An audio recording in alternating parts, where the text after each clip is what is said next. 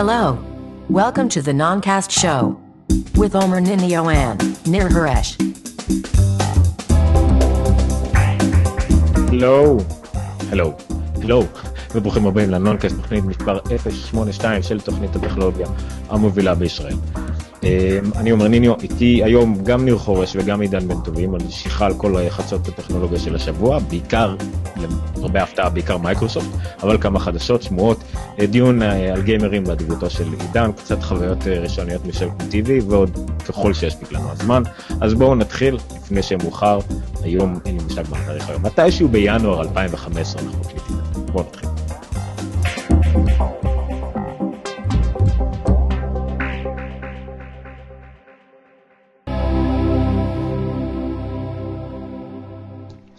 אוקיי, שלום, ניר. ערב טוב, מה נשמע? ניר עם מצלמה טובה, מיקרופון טובה, ולעומת זאת שלום עידן. שלום. לא זה ולא זה. אה, אוקיי, אז אנחנו בדיון משולש פה, אה, יהיה מדי פעם, כיוון שגוגל מחליטים בשבילנו את מי תראו, אה, אז אתם תראו קצת קפיצות, מי שאיתנו באודיו אתם תענו כמובן מאודיו מספק ואיכותי חוץ מזה של עידן, אז בואו נתחיל, אה, ישר נקפוץ למים עמוקים, כי יחסית יש לנו הרבה, הרבה על מה לדבר בשביל אה, שבוע לבור בסוף, אה, בסוף ינואר, שהיה בתוכו גם איזשהו חג אמריקאי שקרי כלשהו. וזהו. אז האמת ששבוע שעבר היה לנו כמה חדשות מפתיעות על הארץ, זאת אומרת שהעובדה שדיברנו על חדשות בארץ בכלל זה היה מפתיע, אז השבוע יש לנו המשך של זה, כולל אפילו follow-up. אמ, דיברנו שבוע שעבר על כך, אה, אני חושב שזה היה ממש טרי, עידן האמת שלח לי בהודעה, אתם הולכים לדבר על זה נכון? אמרתי לו לא, ואז דיברנו על זה. אה, אנחנו קצת teasing, אתה יודע, שיהיה קצת, אה, שיהיה קצת הייפ ברשת. זהו, אז סטטוסים מצייצים, אה, שבוע שעבר, אה, ממש בשישי בבוקר, אה, למדנו שהם ירדו מפייסבוק, הורידו את הדף מפייסבוק. מיד אחרי זה קמו משהו כמו 150 קבוצות דפים אחרים שלנו שהם סטטוסים מצייצים. מאז, איך קוראים לבעלים של הדף? אבירם? אבילן. אבילן. אולן. אוקיי. אולן, כן. אז אבילן עשה בערך כל טעות שאפשרית אפשר בדיון מול חברה ענקית כמו פייסבוק, והמנכ"לית שלה בארץ, ולכן סטטוס שמצייצים לא תחזור יותר, זה דף עם משהו כמו 750 אלף לייקים, אולי יותר, או משהו כזה שפשוט לא יהיה יותר. ואני חושב שגם אפילו אה, אה, אה, הפסיקו, החרימו את כמה דפים האישיים אפילו של אבילן, אבל נראה לי שזה חזר בסוף. אז זה, זה מין פולו-אפ ארצי ישראלי, אז הדף הכי משפיע בארץ, כנראה, לא יודע משפיע, אבל הכי פופולרי בארץ נסגר, יחד עם כל ה... הדברים המצחיקים יותר מצחיקים פחות שיביא על עצמו, ואנחנו נראה עוד הרבה מחליפים עליו. אגב, בינתיים העובדה שהדף ירד ועלו דפים חיקויים שכאלה, זה סוג של מבחן אינטליגנציה לחברים שלך בפייסבוק. אתה יכול כזה להבחין קצת ב... מי פחות מתוחכם שעושה לייק ישר לדפים האלה עם התמונה של אבי לן, וה... לא יביסו אותנו, לא יביסו אותנו. מעין מבחן איי-קיו אה, קטן. לא מעיד על המון, לא מעיד על המון, אבל קטן. ביולי, אה, כשהייתה צוק איתן נדמה לי, והיו התקפות אה, האקרים כאלה, הורידו אותם גם, את אה, סטטוסים מצייצים, נדמה לי שזה היה ביולי, לכמה שעות, אם אני זוכר נכון, וגם אז, בכמה שעות האלה, אם אני זוכר נכון את הסיפור, כבר עלו כל מיני דפים מתחרים, אנחנו הסטטוסים מצייצים האמיתי, הסטטוסים מצייצים המקורי, והראשון והזה, אבל שם... זה כמו חובוש אבו גוס בעצם, אפשר כן. למצוא הקבלה מסוימת. לגבי מבחן האינטליגנציה שעידן אמר עליו, אה, אני מרמלה. אז אני נמנע מלעשות את המבחנים האלה בין חברי הפייסבוק שלי. עידן לדעתי קפא. אני לא אה, קפאתי, הכל בסדר איתי, נראה לי. ראיתי את התמונה הקטנה שלך. לא, לא, לא. במקרה מיד אחרי שאמרתי שאני מרמלה, אבל בסדר. אני גם פסל רחוב, ואני לפעמים כאילו עומד ברחוב כזה. התחלנו את הדיון הפנימי שלנו בזה שהאינטרנט, אה, הרשתות שכולנו יושבים עליהן כרגע די גרועות, אה, בין אם, אצל עומר כמובן יש ראוטר כזה שבדרך כלל יש אה, למפעלים של אלף איש, אבל אצלנו בני התמותה יש סתם ראוטרים רגילים. אה, האינטרנט אצלי לא יציב בעלי, למרות אה, כמה ביקורים חוזרים ונשנים של אה, בזק, שניסו לתקן פה את התשתית, ואני צריך תקווה. אז בואו נעבור לשני האייטמים הבאים. אני דרך אגב, סתם כדי לא להוציא לכם עיניים, אני כרגע על 878 מגביט לשנייה, הרשת האלחוטית שלי. למה אתה כלב? אה, אבל בסדר, בפנים, בתוך ה... כן, כן, לא, בסדר. כי הוצאתי את הראוטר פשוט מחוץ לכוך שהוא היה בו. אז כשאתה מעביר את הפורנו שלך מה-24 טרה שלך למחשב, אז זה עובר מהר. כן. אמ, אוקיי, יאללה, ידיעה הבאה, ידיעה הבאה גם כן, אה, יש, אה, יש תכונה רבה בנוגע לכל מה שקשור לשירותים בארץ, אנחנו ראינו את זה עם הטלפונים הסלולריים לפני שנתיים, עכשיו אנחנו מקווים שזה יגיע גם לעולם האינטרנט. אמ, בגזרת הסלולר, מי שעשה את המהפכה היה גולן טלקום, אז זה היה את המהפכה, הוא היה הפסיליטטור, זאת אומרת, זה שיישם את המהפכה של בעזרת התקשורת, השעה גולן טלקום הכניס את המושג 99 ואז 49 אה, המילון אה, מושגים שלנו. ועכשיו הוא גם תוקף את עולם העסקי. מה זה אומר? זה אומר שגולן טלקום משיקה גם תוכנית למגזר העסקי, uh, 25 שקל או משהו כזה לכל, לכל מנוי, או משהו כזה, כן, יפה שניר uh, מיישם את העובדה שיש לנו אפשרות לעשות את זה, כן, אבל זה לא הלינק הנכון, ניר, כי אני טיפה שיניתי, אבל לא נורא. אה, אין פה מה להראות. תתמודד. נראה דגל צרפת, שכל פעם שמראים גולן טלקום נראה דגל צרפת. אז אה. גולן טלקום הוציאו ב-25 שקלים למנוי בחברה עסקית, לא משנה. אה, הם נכנסו לשוק הזה, שזה גרר אה, שני דברים. א' כל זה עובדה שהם יכולים להיכנס לשוק הזה, זה יפה, כי הם לא יכלו בגלל תנאים של משרד התקשורת. אז עכשיו הם נכנסו, אה, והכותרת של ה... הנה המאמר הזה שניר מראה לנו עכשיו, גולן טלקום השיקה תוכנית למגזר העסקי, מניות שלקום ופרטנר צנחות. אז כן, זה הכוח שיש לו הודעה אחת אה, כזאת קטנה על כל השוק בארץ. וזאת בשבוע שסלקום TV בתהליכי השקה, אז זה קצת אה, לגמרי פוגע בתנופה נכון. שהייתה אמורה להיות מ... נכון, אבל אה, העולם העסקי לעומת העולם הצרכני הוא שמיים וארץ, וזה בהחלט נתן משקל לזה. מיד בהמשך לזה, ניר, תעבור לנו לידיעה שהייתה אמורה להיות הבאה. אה, הוט גם כן אה, התחילה למגזר העסקי, אחרי שהם היו ראשונים שהוציאו אה, את הוט מובייל למגזר העסקי ב-39 נראה לי, עכשיו הם גם משיקים מהירות של 500 מגה למגזר העסקי, היה להם כבר 200 מגה, שזה הכי מהיר בארץ, שזה לא Unlimited. ועכשיו הם מוצאים 500 מגה, כולל מהירות מסחררת אפלואוד של 10 מגה. שזה, שזה מעליב, כמובן. אבל הם כרגע הם אה, החליטו שהם מציעים את זה, אם אני לא טועה הם מציעים את זה בעיקר באזורי תעשייה גדולים, בתל אביב, רמת גן, גבעתיים, ראש העין, פתח תקווה וכדומה, אה, שזה אומנם מעט אזורים, אבל זה, זה אחוז ניכר בכל העסקים בארץ. וכתגובה לזה, אה, יום מיד אחרי זה, Unlimited, שתכף נראה את זה, Unlimited הודיעו גם כבר כן. כן, הם גם הודיעו שהם נכנסים למתחם העסקי והם משקיעים על 1 ג'יגה בייט סימטרי, ג'יגה ביט, סליחה, ג'יגה ביט סימטרי למגזר העסקי, אבל מה זה אומר סימטרי? זה אומר שגם מהירות העלאה תהיה 1 ג'יגה ביט. עכשיו, הם מציעים את זה גם למגזר הביתי, זה לא משהו חדש, אבל כנראה שלמגזר העסקי הם יוכלו לתת אה, חיבורים יותר ישירים, הם אה, שיתוף פעולה גם עם, אה, אה, איך קוראים להם? עם אה, Triple סי, נכון? כן, אבל לא כתוב פה, בקודם אצל הוט היה כתוב 279 שקלים לדעתי, כאן לא ממש כתוב מחיר, ואם אני זוכר נכון, המחירים גבוהים יותר. נכון, אבל... אה, זה- אבל, אבל זה, כן, אבל זה ג'יגה ביט סימטרי, כאילו אין, אה, זה צריך להיות גבוה יותר. כן, יש את המחירים האמת באתר של אה, Unlimited, אגב, אני לא זוכר אותם כרגע, אבל יש. זה מחירים שכאילו, לדעתי, לא השתנה הדף של המחירים מיום ההשקה לפני שנה בערך, אה, ואין לי מושג כמה הוא מעודכן.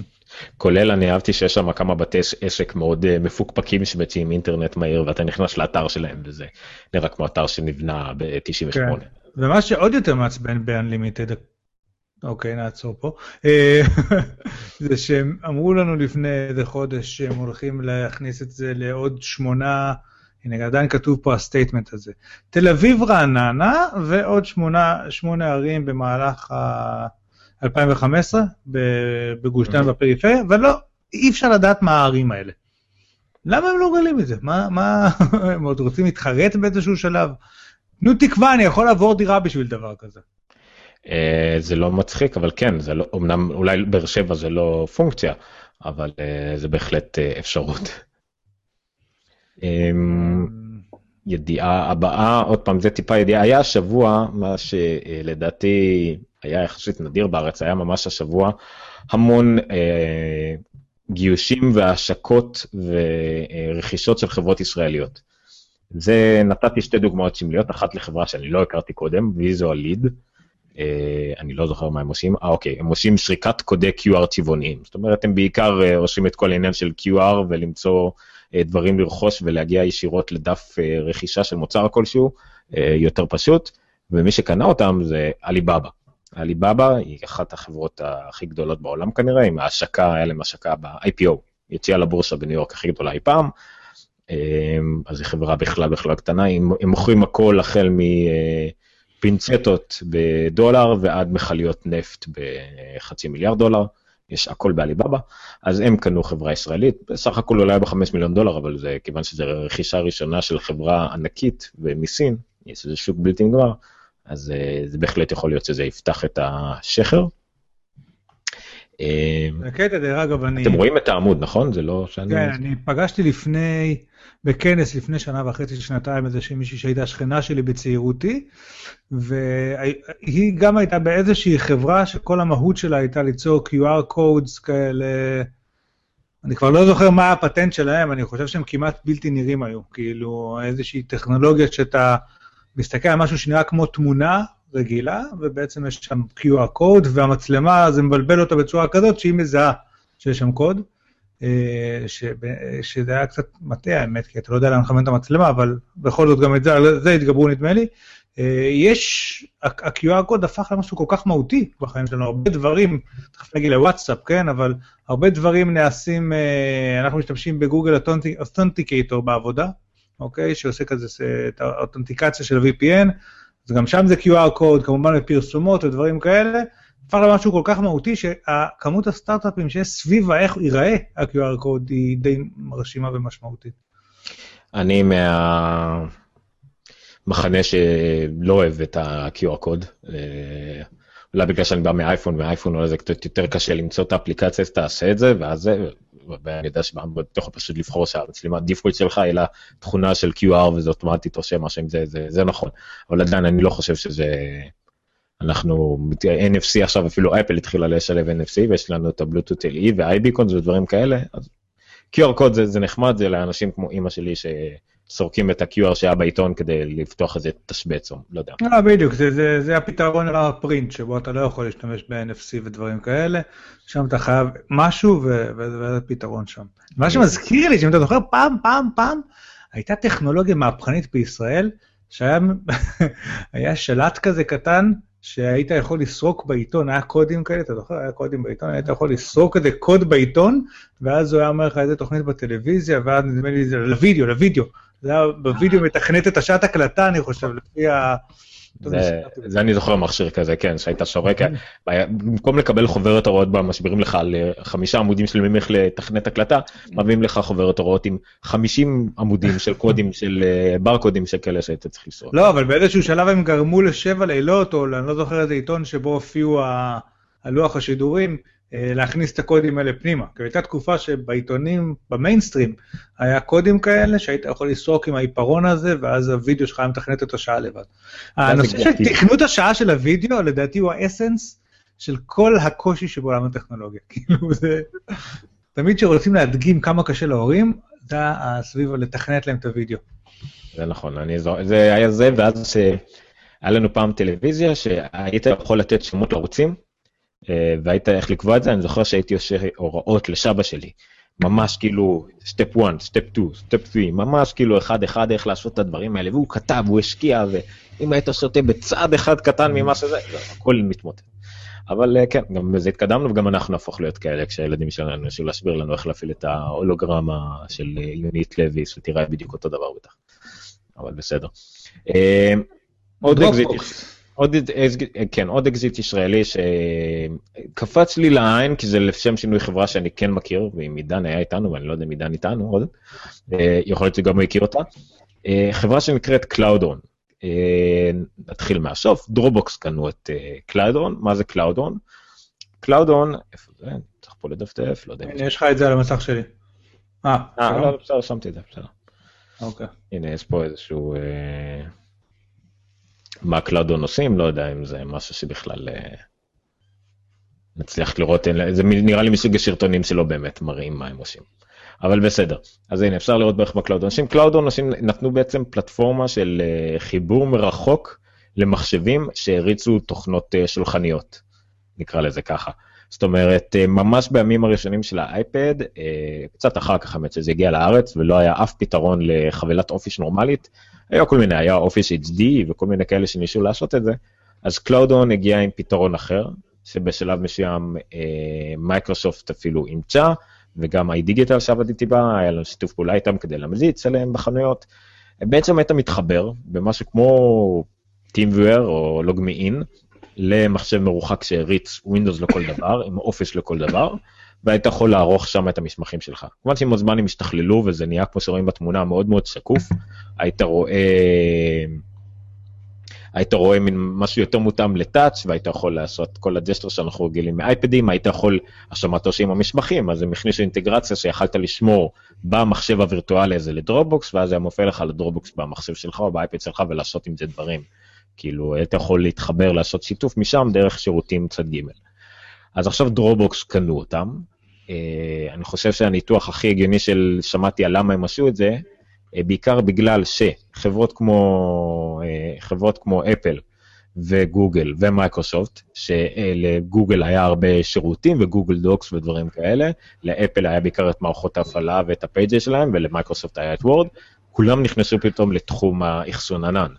עם זה שאתה יכול, לא רק אחסון ענן, אלא שאתה יכול גם לערוך את המסמכים שם. זאת אומרת, Google Drive and Docs, ואפל עם ה-iWork, ומייקרוסופט עם ה-365, ו Dropbox, שמתמחים בעיקר באחסון, לא היה להם איך, מה להציע ללקוחות כפתרון כולל.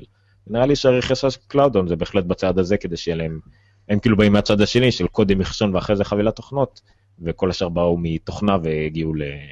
חבילות אחסון, אז נראה לי שפה הם רוצים להיפגש איתם באמצע וקנו את CloudOn, גאווה ישראלית, זה באמת מוצר שעבד הכי טוב עד שנהיו קצת מוצרים יותר טובים אה, ויותר מותאמים native. למה יש חידון שאלת טריוויה מתי נוסדה Dropbox? מאוד מוזר העניין הזה, אבל בסדר. אה, עידן, אני מקודם אה, ציינתי את השם שלך בעיקר בגלל שאולי אתה גם זוכר מעבודה בדיגיטל שהמלצנו על CloudOn. אני זוכר את התקופה הזאת שהיה כזה, ש CloudOn פתאום היה כאילו הפתרון שהולך להיות לבעיית ה Office וכל הדברים האלה, אני זוכר שלא יצא להתעסק איתה, ואני זוכר שהממשק לא היה נראה לי כזה מי יודע מה, אבל אה, כנראה שמאז דברים השתפרו, לא עקבתי אחרי זה, אני חייב להודות. אז אני משער שדברים השתפרו בינתיים, ויאללה, מזל טוב לחברה. כן, בהחלט. אמ, אני חושב שבזאת סיימנו את אה, תחום המקומי. אז אני כל פעם מפתיע אותי מחדש שיש חדשות, אבל אני גם כהחלטה לעצמי, אז אמרתי שאולי ננסה למצוא, אני קודם כל עובר שאני מחפש לינקים, אני קודם כל אעבור על חדשות ישראליות, לראות אה, אה, מה קרה בארץ, זה אולי קצת יותר אה, רלוונטי מאשר חדשות על אה, אובר וכאלה, שיצא לנו לדבר קצת יותר מדי, אבל בסדר. טוב, בואו נחזור לענייננו, כי יש חדשות חשובות יותר. כן, כמו הידיעה הזאת שאתה הכנסת לי אותה בהפוכה עכשיו, יאללה. נכון, נכון, מחר בערב, שמונה בערב, Top Gear חוזרת לעונה 22. אה, אחרי שהיה לנו special Christmas, ושבוע שעבר היה איזשהו ראיון הכנה לעונה אה, עם שלושתם שם, אז הם חוזרים כרגיל בטירוף שלהם, ניתן לראות, אה, מה זה פה, איזושהי מזרטי בעדר פרות, ג'יפי במסלול סקי, ועוד כל מיני דברים שהם Top Gear למהדרין. חילוץ של המונד מהרים בקנדה, ועוד כל מיני דברים נהדרים. כמו שכולם פה יודעים, אני מאוד אוהב אותם והם מאוד שמח שהם חוזרים, אה, אז אה, הרגשתי צורך אז לחלוק את זה איתכם. כי עומר כתב שקטגוריה שקוראים לה בקטנה, אז למה לא? שנים לא ראיתי את התוכנית הזאת, אה. ואני מודה, ידעתי שהיא קיימת במקום כלשהו, אבל אני לא משלים עם זה שהיא אשכרה עדיין רצה עוד מימי אגו. שאגו היה ערוץ חדש ובועט. הייתי צריך התחילו הרבה לפני אגו ויקברו את אגו בעודו בחיים. מטורף, מטורף. אוקיי, אה, אז... אה, בקטנה לא שתיים. כן, א' כל דרך אגב, מי שרוצה לראות את זה, אה, שיקרא את המאמר שלנו, כרגיל תחפשו להיות אמריקאי ישראל, אמריקאי בישראל, תחפשו את זה בגוגל, תלמדו איך לעשות DNS, ואז תוכלו גם להוריד את ה-iPlayer של BBC ולראות המון תכנים האמת, ב-HD מטורף עם כתוביות באנגלית, חינמי לחלוטין. אז זה מגניב. במסגרת כותרת ישראלית טיפשית, אינטרנט מהשמיים, גוגל תשקיע מיליארד דולר בפרויקט הלווינים של SpaceX. אה, מדע מוזר זה התחום שלך, ניר, אתה שמעת על זה משהו? האמת שזה ידיעה טיפה משבוע שעבר. כן, אז שבוע שעבר דיברנו בהקשר של ספייס SpaceIL על פרויקט SpaceX, זה של אילון מאסק SpaceX, SpaceIL זה התחרות תחת גוגל, מרוץ לחלל. באמצע, דרך אגב, היה עוד, התפרסמו השבוע כל מיני ידיעות חלל על לא זוכר כבר, אילון, לא, ההוא מווירג'ן שרוצה לפרוס מלא לוויינים, וגם זה שרוצה לפרוס מלא לוויינים, ובקיצור, קוראים, ואת המטוס הזה הסולארי שהולך עכשיו להקיף את, את כדור הארץ, אה, אה, או משהו כזה, אני כבר לא זוכר מה הוא אמור לעשות. אה, בקיצור, בהמשך לכל חדשות החלל וכל ההתעוררות בתחום החלל, שיגורים ותחנות חלל, ובאמת ב-ISS ותחנת החלל הבינלאומית התקינו השבוע עוד איזשהו מודול שלדעתי בודק איזה שהם ניסויים, אה, לא יודע, מחוץ לתחנת חלל או משהו, וחברת ההובלות שמובילה לשם את המודולים ואת כל הניסויים שלהם ואת כל האנשים והכל, היא ברובה SpaceX. אה, אז אה, גוגל שמו ארגזים של כסף, שזה מיליארד דולר בפרויקט לוויינים הזה שדיברנו קודם, למרות שזה עוד פרויקט לוויינים בנוסף לפרויקט לוויינים אחר. כל התחום הזה מתעורר מאוד וזה טוב. כמובן שלגוגל יש אינטרס שכל העולם יהיה מחובר לאינטרנט ויוכל לחפש בגוגל. אז בקיצור, אה, בעקבות כל הפרויקט הזה, בעיקר של הלוויינים שעכשיו הולכים לפרוס כדי להביא תקשורת אינטרנט לכל מיני מקומות בעולם, אה, אה, ולגוגל יש אינטרס בזה, היא תשקיע גם בתחום. אני לא יודע אם זה במקום פרויקט Loon שדיברנו עליו בעבר, או בנוסף לפרויקט Loon, אבל בקיצור, כל אזור החלל מאוד מתעורר. אוקיי, אז זה היה לגוגל SpaceX במסגרת בכלל כל המרוץ של כולם לאינטרנט לכולם ודברים כאלה, כרגיל. טוב, ידיעה אה, שהפתירה את ישראל לא פחות מהבחירות, ולא אה. פחות uh, ממזג האוויר ומהסופה ומשטטוס מצייצים, אני לא חושב שראיתי אי פעם ידיעה ישראלית שכל כך הכתה גלים כמו זאת. אני אעשה את השיתוף משך הזה. וואטסאפ הגיע לשולחן העבודה. זה כותרת כל כך אה, אופטימית וכל כך מלאה תקווה, אבל כל כך משלה כנראה. מישהו מכם האם ניסה את הדבר הזה? בוודאי שלא. גם אני לא. איך לא, אפשר לא. בדיוק לנסות את זה אם זה לא זמין ל-iOS? אה, נכון, זה לא זמין ל-iOS. אז ככה, בואו, בואו, אני רוצה כן לדבר על זה טיפה. אה, אני משתמש גם בטלגרם, אוקיי? וגם בווייבר וגם בסקייפ. לכל התוכנות האלה אה, יש את האפשרות, סקייפ זה דרך תוכנה, טלגרם זה דרך אתר, אה, וייבר זה כבר נכון. הדרך שוואטסאפ בחרו לממש את זה, למרות שהם כאילו last to market, היא קצת מוזרה. מה שוואטסאפ עושים, הם פותחים מעין server בטלפון, וה server הזה הוא זה שמשתף את המידע. אני אומר לדוגמה, הבעיה העיקרית שתמיד יש עם וואטסאפ זה כשנדפק לך הטלפון, נגמרת לך סוללה או תובע, נאבד לך או משהו, וואטסאפ שהלך הטלפון ואתה לא יכול לתקשר איתם בוואטסאפ, ואין לך איך לעשות את זה. הבעיה שהדרך שוואטסאפ מימשה את זה עכשיו, היא דרך שבה אין בעצם יכולת לעשות את זה, כי כשהטלפון לא זמין, כבוי, או... אז הוא לא פותח את הסרבר ולכן אי אפשר להתחבר אליו מה, מהאתר הזה. אוקיי. זה בהחלט פתרון מאוד uh, עקום. Uh, אני לא יודע למה, הבעיה העיקרית של וואטסאפ, מה? אני אומר שזה אכן uh, פתרון מאוד עקום, אבל uh, אין מה לעשות, אנשים... בגלל המימוש העקום הזה... למה iOS כרגע לא נתמכת? הם אומרים שזה תלוי אני... במערכת, ואני לא מבין בדיוק מה לעזאזל ההבדל. אני משער שזה אקסטנשנים של חום, והאפשרות זה באמת אה, לפתוח אה, שרת, או מה שניר תיאר נראה לי. בגלל, בגלל המימוש הזה של השרת, אפל אה, זה, זה משהו שאפל לא מאפשרת, ולכן כרגע זה לא נתמך.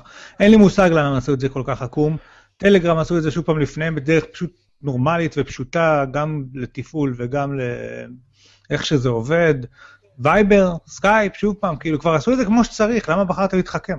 כי הדברים האלה, אם אני לא טועה, כל הווייבר וכל אלה מבוססים על איזשהו פרופיל שאתה מתחבר דרכו. אם, אם אתה יוצר או מה שזה לא יהיה, ווואטסאפ התנערה מזה כל הזמן, אין לך דבר כזה חשבון וואטסאפ. יש לך מספר טלפון ונטו, כל האקטיבציה, הכל מתבססת על, על בסיס זיהוי סים, אה, וגם אם אתה נשאר אותו מספר והסים מתחלף, הם מזהים את זה, ואומרים לך אם, אם אכן המספר שלך נשאר אותו דבר, אם זה מה שאתה רוצה להיות, הרי זה גם קורה. שבוע החלפתי סים וקיבלתי נכון. התראה. אבל, כן. אבל גם בטלגרם אתה משוייך למספר טלפון, והוא פשוט. שואל אותך בכניסה לאתר, כשהוא שואל אותך בכניסה לאתר מה הטלפון שלך, אתה אומר לו מה הטלפון, הוא שולח לך אס.אם.אס, ואתה מקבל פין, כמו שכולם עושים את זה, ואתה מכניס את הפין, וזהו, כאילו הוא שייך עכשיו את הטלפון שלך לחשבון שלך. אז זה נכון שיש לך חשבון, אבל, זה, אבל שוב פעם, אני... בקיצור, אין לי מושג. גם וואטסאפ כרגע במצב שהמטרה שלה היא לא להיות רווחית, היא לא להיות אה, שום דבר. יכלו לקחת עוד חודש לפתור את זה כמו שצריך, גם בשביל iOS. הם כבר קנו אותם, הם כבר חלק מפייסבוק, הם כבר, אה, כל ה database שלהם יושב אצל פייסבוק בצורה כזאת שאם מישהו שולח לי אס.אם.אס היום, מחר פייסבוק, או בעוד תוך שעה, פייסבוק כבר מציעים לי אותו כחבר. אה, לא אס.אם.אס, אם מישהו שולח לי וואטסאפ, כאילו זה כבר fully integrated הדבר הזה, אז אני לא יודע מה כל כך הם מיהרו פתאום לעשות פתרון עקום וצולע כמו שהם עשו עכשיו, שכל ה-iOS לא נתמך בו, כאילו זה בעיניי מוזר. אה, רגע, בדיוק אנחנו מקבלים התראה מגלעד, יש לנו צטרום בערך שנקרא ההודעות הפרטיות שלי בטלפון, אס.אם.אס, יש לנו צט מיוחד שנקרא אס.אם.אס. גלעד אומר שזה עובד נהדר והתחברות נוחה הרבה יותר ממה שניר מתאר עם אס.אם.אס ושטויות.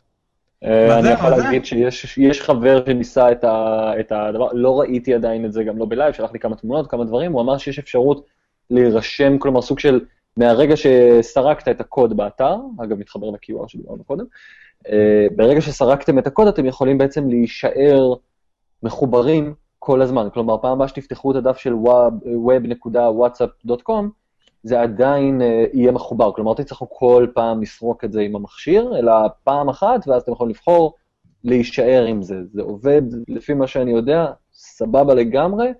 שוב, יש דרכים יותר טובות לעשות את זה, יש דרכים יותר טובות לשחרר את זה ככה שזה תומך בכל הפלטפורמות, כולל הפופ... אחת הפופולריות ביותר. אה, ויש את הדרך של וואטסאפ, שעד עכשיו היא אגב התוכנה שבאופן עקרוני הכי מפגרת מבחינת אה, פיצ'רים ומבחינת עדכונים ומבחינת אה, באגים, כמות זמן עד שהיא מעדכנת ממשקים ודברים, ודברים, לוקח המון זמן עד שוואטסאפ מזיזים דברים, שזה מאוד מאוד מוזר. זה בטח לא הפייסבוק ווי שכל שבוע שולחת לי אה, ספאם של אה, עדכונים בתוכנית לא, אבל השונות. השורה, השורה התחתונה היא שוואטסאפ, כוחה הוא רק במספר המשתמשים שלה.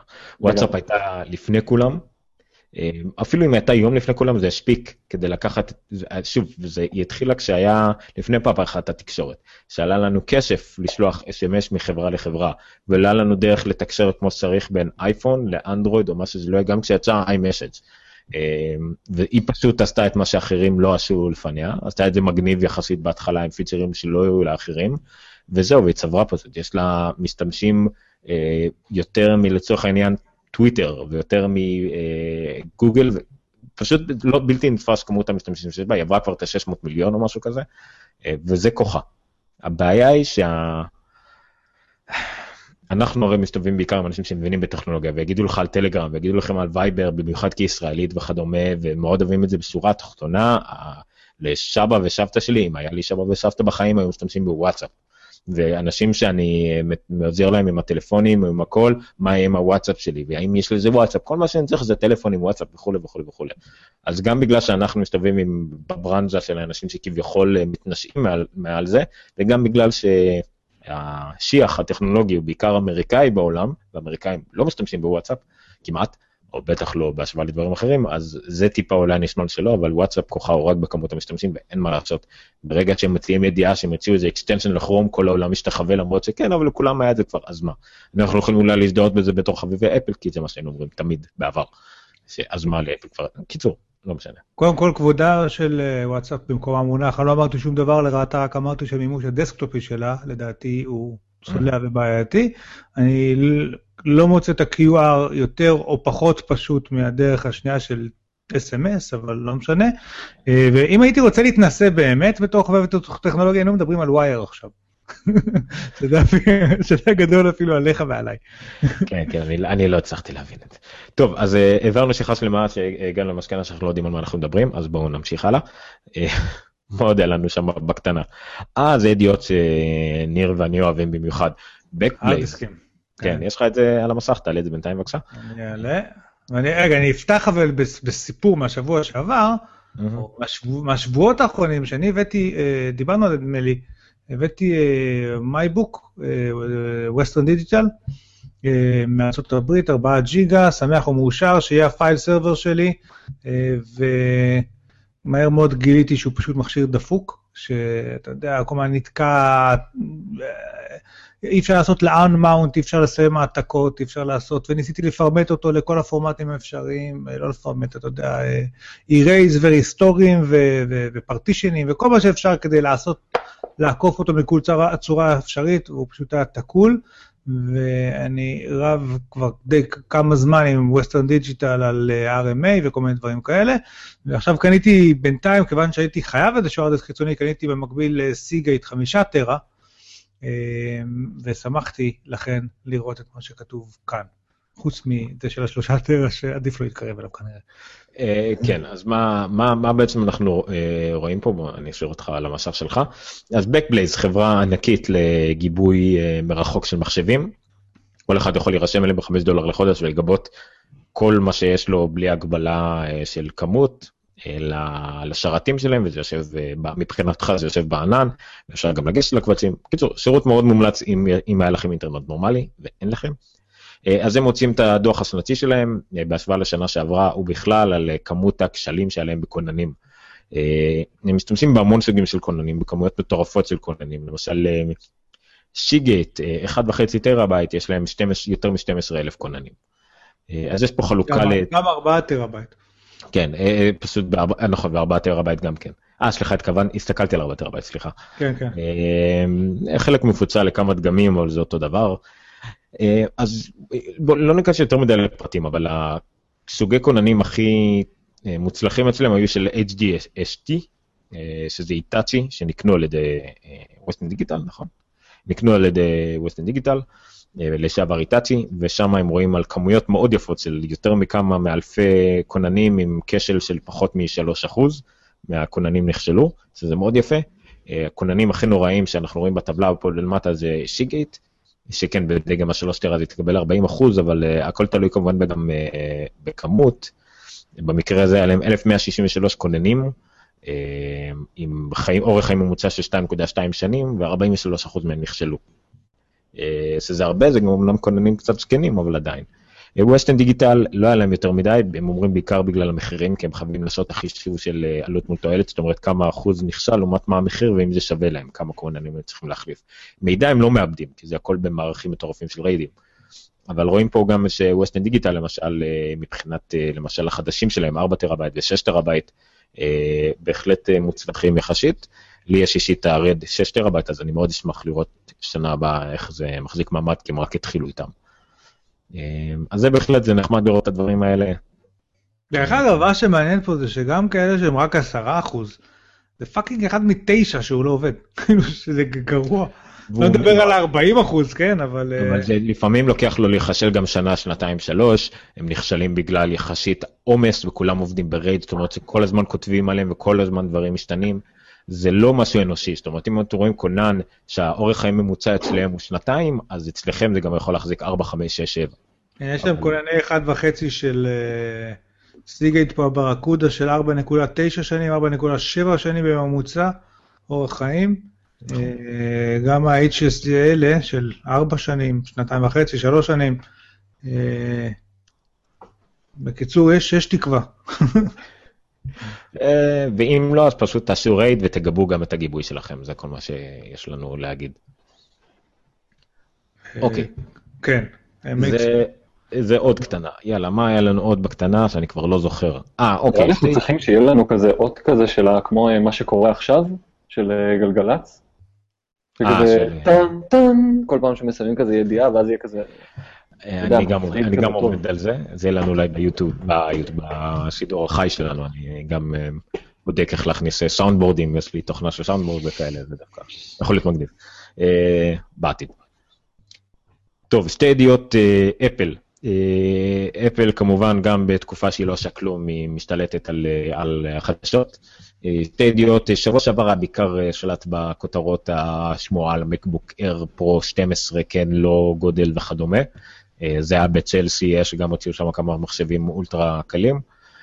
מה שקרה השבוע, שדיברו עליו, אחד שדיברו הרבה זה השמועה שעל האייפד פרו הבא של אפל, שכנראה יהיה 12 אינץ' או משהו כזה, יהיה לו סטיילוס, מי שהביא את הידיעה הזאת, אה, העלה אותה זה מישהו בשם מינצ'י קוו, שכחתי מאיזה חברת אנליזון הוא שייך, אבל הוא מאוד מקושר לקווי הייצור בסין, רוב הידיעות שלו, ההודעות שלו למשקיעים, בכל מה שקשור לדברים שקשורים לקווי הייצור הם מדויקים כמעט ב-100%, בשמועות שיותר מבוש... בדברים שיותר מבוששים על השערות שלו קצת פחות חזק, זה בערך שילוב בין השניים.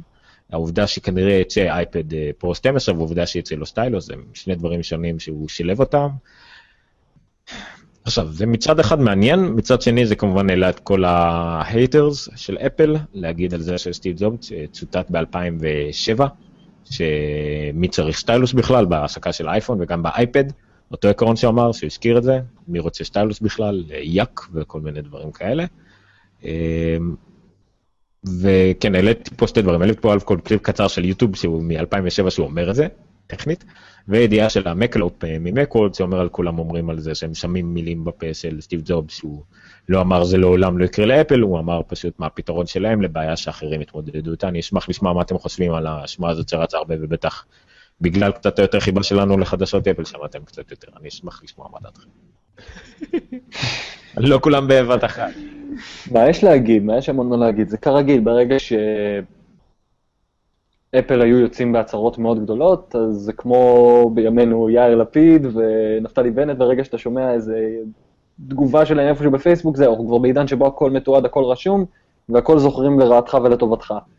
אז זה לא כזה מפתיע שאם יוצאת איזו ידיעה שמנוגדת למשהו שנאמר בעבר, אז כולם ישר מזנקים. וגם צריך לזכור, לצערנו, סטיבי כבר לא בין החיים, זה כבר לא החברה שהוא מנהל, התחלף דור, התחלף הבן אדם שאחראי עכשיו, אפילו אם זה מנוגד לחלוטין למה שסטיב ג'ובס אה, אי פעם אה, תכנן, זה לא משנה כרגע, המטרה היא לא לשמר את המורשת של סטיב ג'ובס, המטרה של אפל זה להמשיך ליצור את המוצרים בין הנחשקים ביותר בעולם ובין, והטובים ביותר בעולם והאהובים ביותר בעולם והמוערכים ביותר בעולם, ואם הם צריכים בשביל זה ליצור את סטיילוס, אם הם יעשו את זה טוב כמו שהם עושים את שאר המוצרים שלהם, מה זה באמת משנה?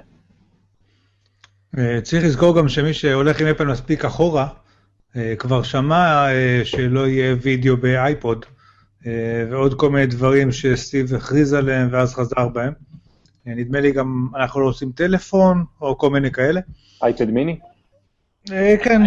על האייפוד וידאו, מה שמצחיק שהוא אמר את זה שלוש שבועות לפני שהם יצאו עם האייפוד וידאו, וזה כן. שהם לא עושים טלפון זה היה שנה לפני כשהם כבר חמש שנים עבדו על הטלפון.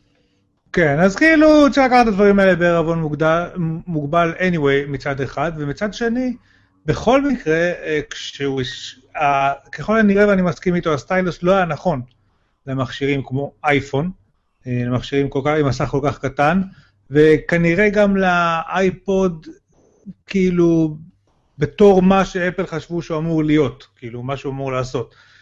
אם, אני, אם באמת יצא האייפוד פרו, אייפד פרו הזה, סליחה, אייפד אה, פרו 12 אה, אינץ', אני מניח שהוא יהיה סוג של שילוב של וואקום ביחד עם, אה, איך קוראים לה, 53, אני לא יודע, כל אפליקציות הציור ואפליקציות העריכה ואפליקציות היותר content creation מקצועיות יותר כאלה, ושם anyway משתמשים ב stylus, כאילו גם אם הוא לא של אפל, משתמשים שם בכל מיני עטים כאלה ואחרים.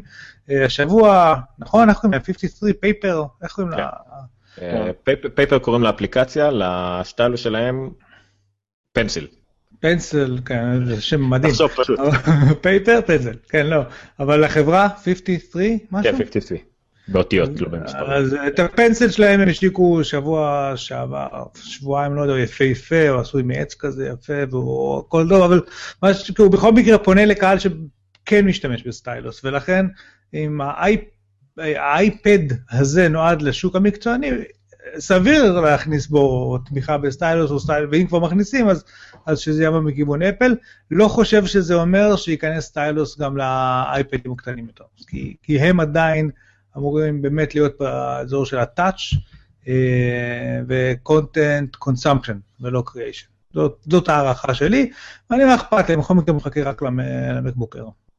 אוקיי, א' כל אה, יכול להיות שהידיעה על מקבוק אר 12 אינץ' ועל אייפד פרו 12 אינץ' זו אותה ידיעה, כאילו לא אומר שזה יהיה אותו מוצר, אבל זה בהחלט יכול להיות אותה ידיעה וכל אחד פשוט לוקח את זה לקיצוניות אחרת. אמ, לגבי הסטיילוס הזה של אפל, לגבי העניין של אה, סטיב ג'ובס, אה, אפשר, מה שהוא אמר זה מאוד מעורפל, כאילו מי רוצה סטיילוס, אבל מה שאפשר לקרוא בין הדברים, מה שאני, איך שאני הבנתי את זה גם בזמנו, אם אתה חייב סטיילוס כדי להשתמש במכשיר, then you blew it. זאת אומרת, סטיילוס צריך להיות עוד אמצעי, לא צריך להיות האמצעי. זה לא צריך לבוא עם המכשיר ושיהיה לו חור כזה קטן בצד בשבילו.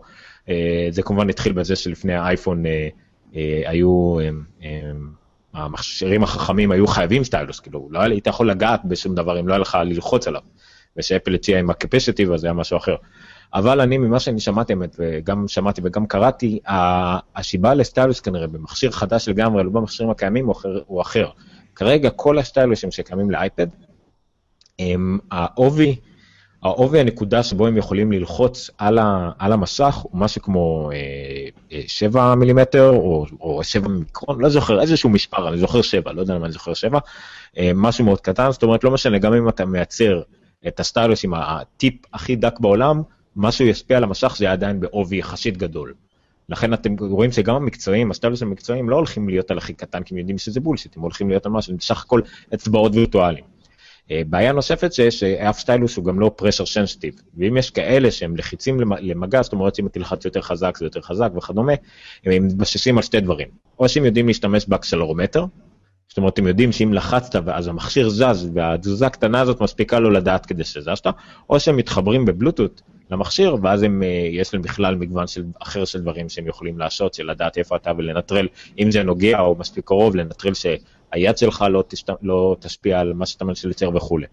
ולאפל יהיה יתרון פה בשני דברים היא מייצרת סטיילוג שלה. א' כל, אה, כל מה שקשור לבלוטות היא יכולה לחבר את זה ישירות למכשיר, וזה לא כמו אה, מכשירים בלוטות שהם מתנתקים, כן עובדים, לא עובדים, לחבר אותם או לא, אפל יכולה להיות הרבה יותר, להתחבר ישירות לחומרה.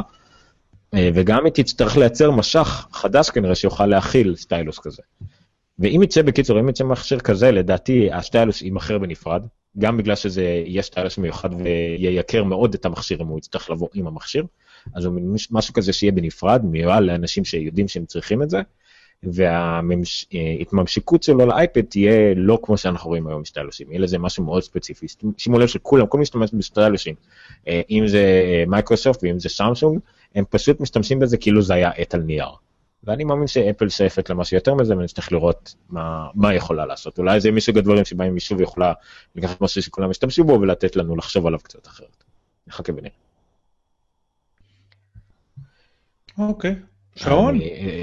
שתיקה כזה. כן, אוקיי, וזה עוד ידיעה ממש, אני אפילו לא יצא להתמקד על זה יותר מדי. אה, בסדר, אני אעלה את הצילום מסך. 9 to 5 Mac, מה גורמן, אה, אני חושב שאפילו כתבתי לה וזה משהו קטן בגידסטר.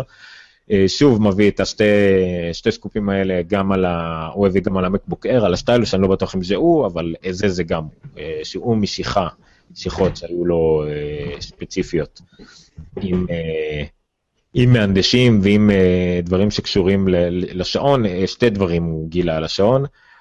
א' כל המטרות של אפל בסוללה של השעון, ככל הנראה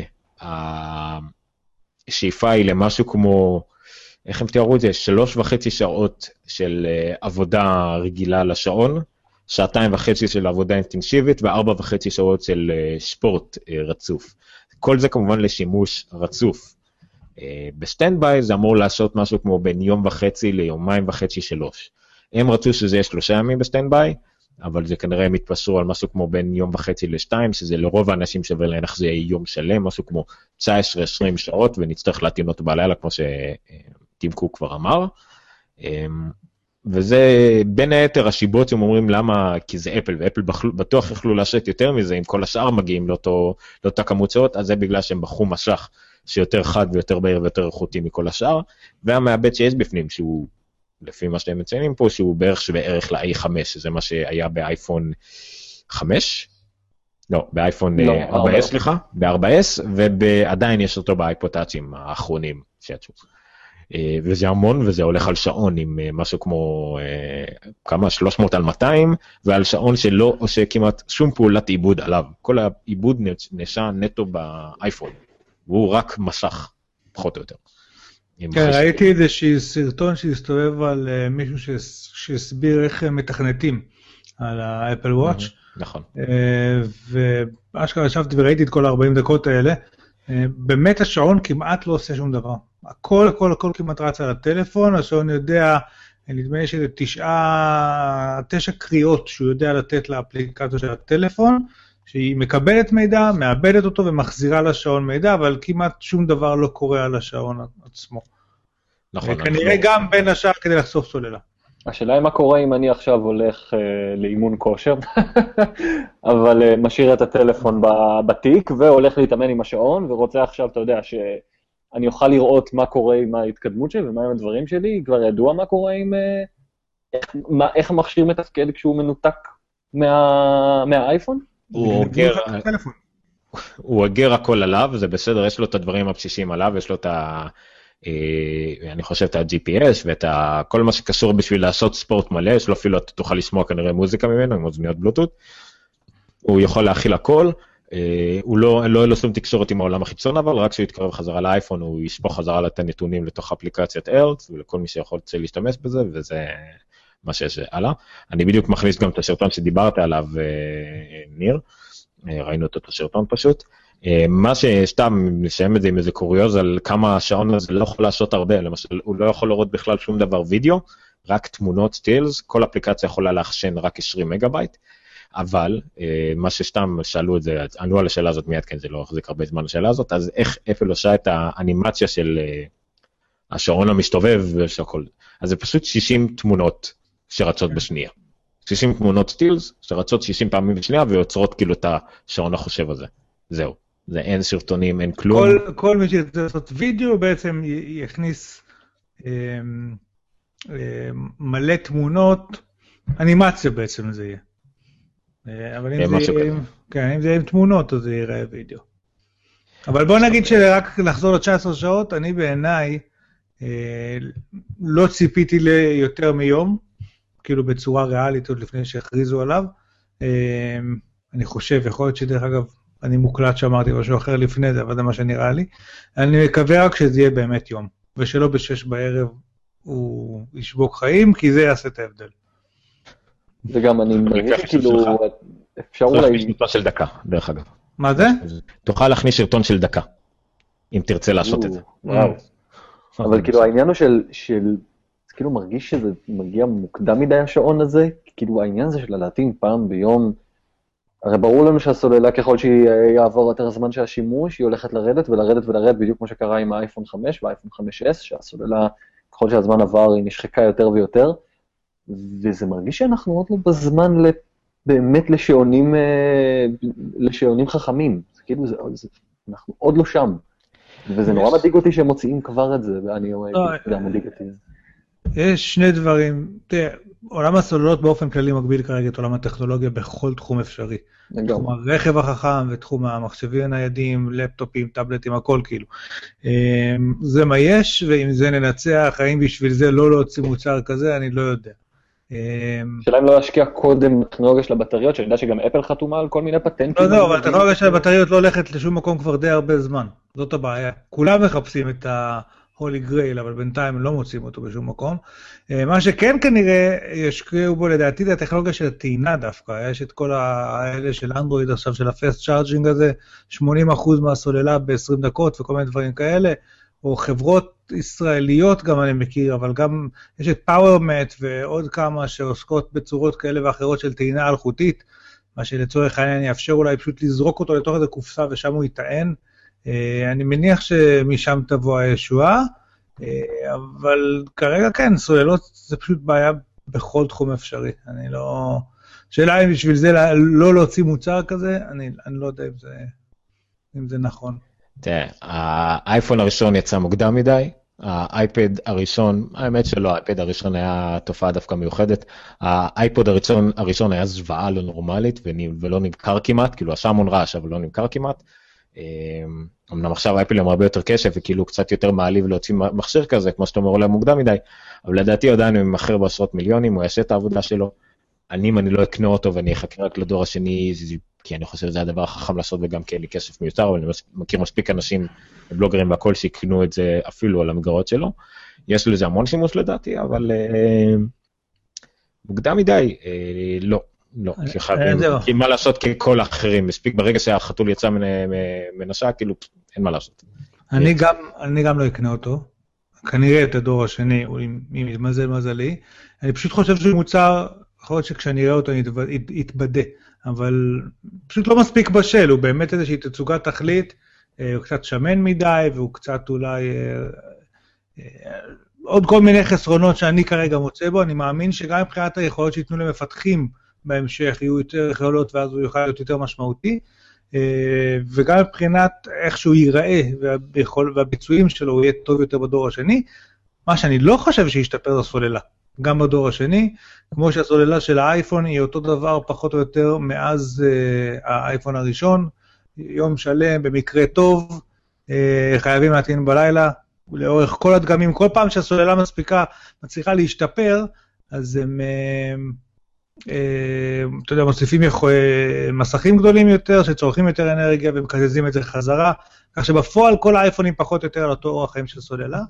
אה, עוד משהו מעניין בנושא סוללות שאני לא זוכר, הזכרנו פה, ששמעתי לאחרונה שטסלה, רוב הפטנטים שלהם, הם לאו דווקא בנושא הסוללות עצמם ומערכות ההנאה, אלא בנושא אורח החיים של הסוללות ושימור אורח החיים, ולצורך העניין יש שם פרמטר, הפרמטר הדיפולטי אה, מבחינת הסוללה היא, היא לטעון אותה רק ל-80%. אה, גילו פחות או יותר שבין, אם כל עוד זמן שהסוללה חיה בין 20 ל-80 אחוז, אה, לא נשחק לה אורך חיים. תמיד יש את הדיונים האלה אם להטעין את הלפטופ בלילה, לא להטעין את הלפטופ בלילה. לפי מה שטסלה אומרים באופן כללי, ואולי זה רק נכון לסוללות שלהם, אבל אני חושב ששמעתי את זה באופן כללי בעבר, כל זמן שהסוללה היא בין 20 ל-80 אחוז, היא נשחקת הרבה פחות מאשר אם מרוקנים אותה עד הסוף ומטעינים אותה עד הסוף. לכן בטסלה, אם אתה יודע שאתה יוצא לטיול ארוך יותר, זה כל אלה מכם שיש טסלה, אז תדעו את זה. יש, אה, צריך לסמן פרמטר שהוא מטעין עד ה-100 אחוז, ואחרי כמה ימים הפרמטר הזה מתאפס חזרה לדיפולטי שלו, שזה אומר שהוא יטעין אותו עד 80 אחוז. מתוך מטרה שלא לא, לא יגיעו ל-100 ול-0 אחוז. נכון, נכון, גם, גם במק, אם תשימו לב, שלחו לי, רק שלחו לי שאני נכנס פה לעניינים טכניים, אתם שומעים אותי בסדר? כי קצת הגברתי, הנמכתי וכדומה. אתה נשמע חזק.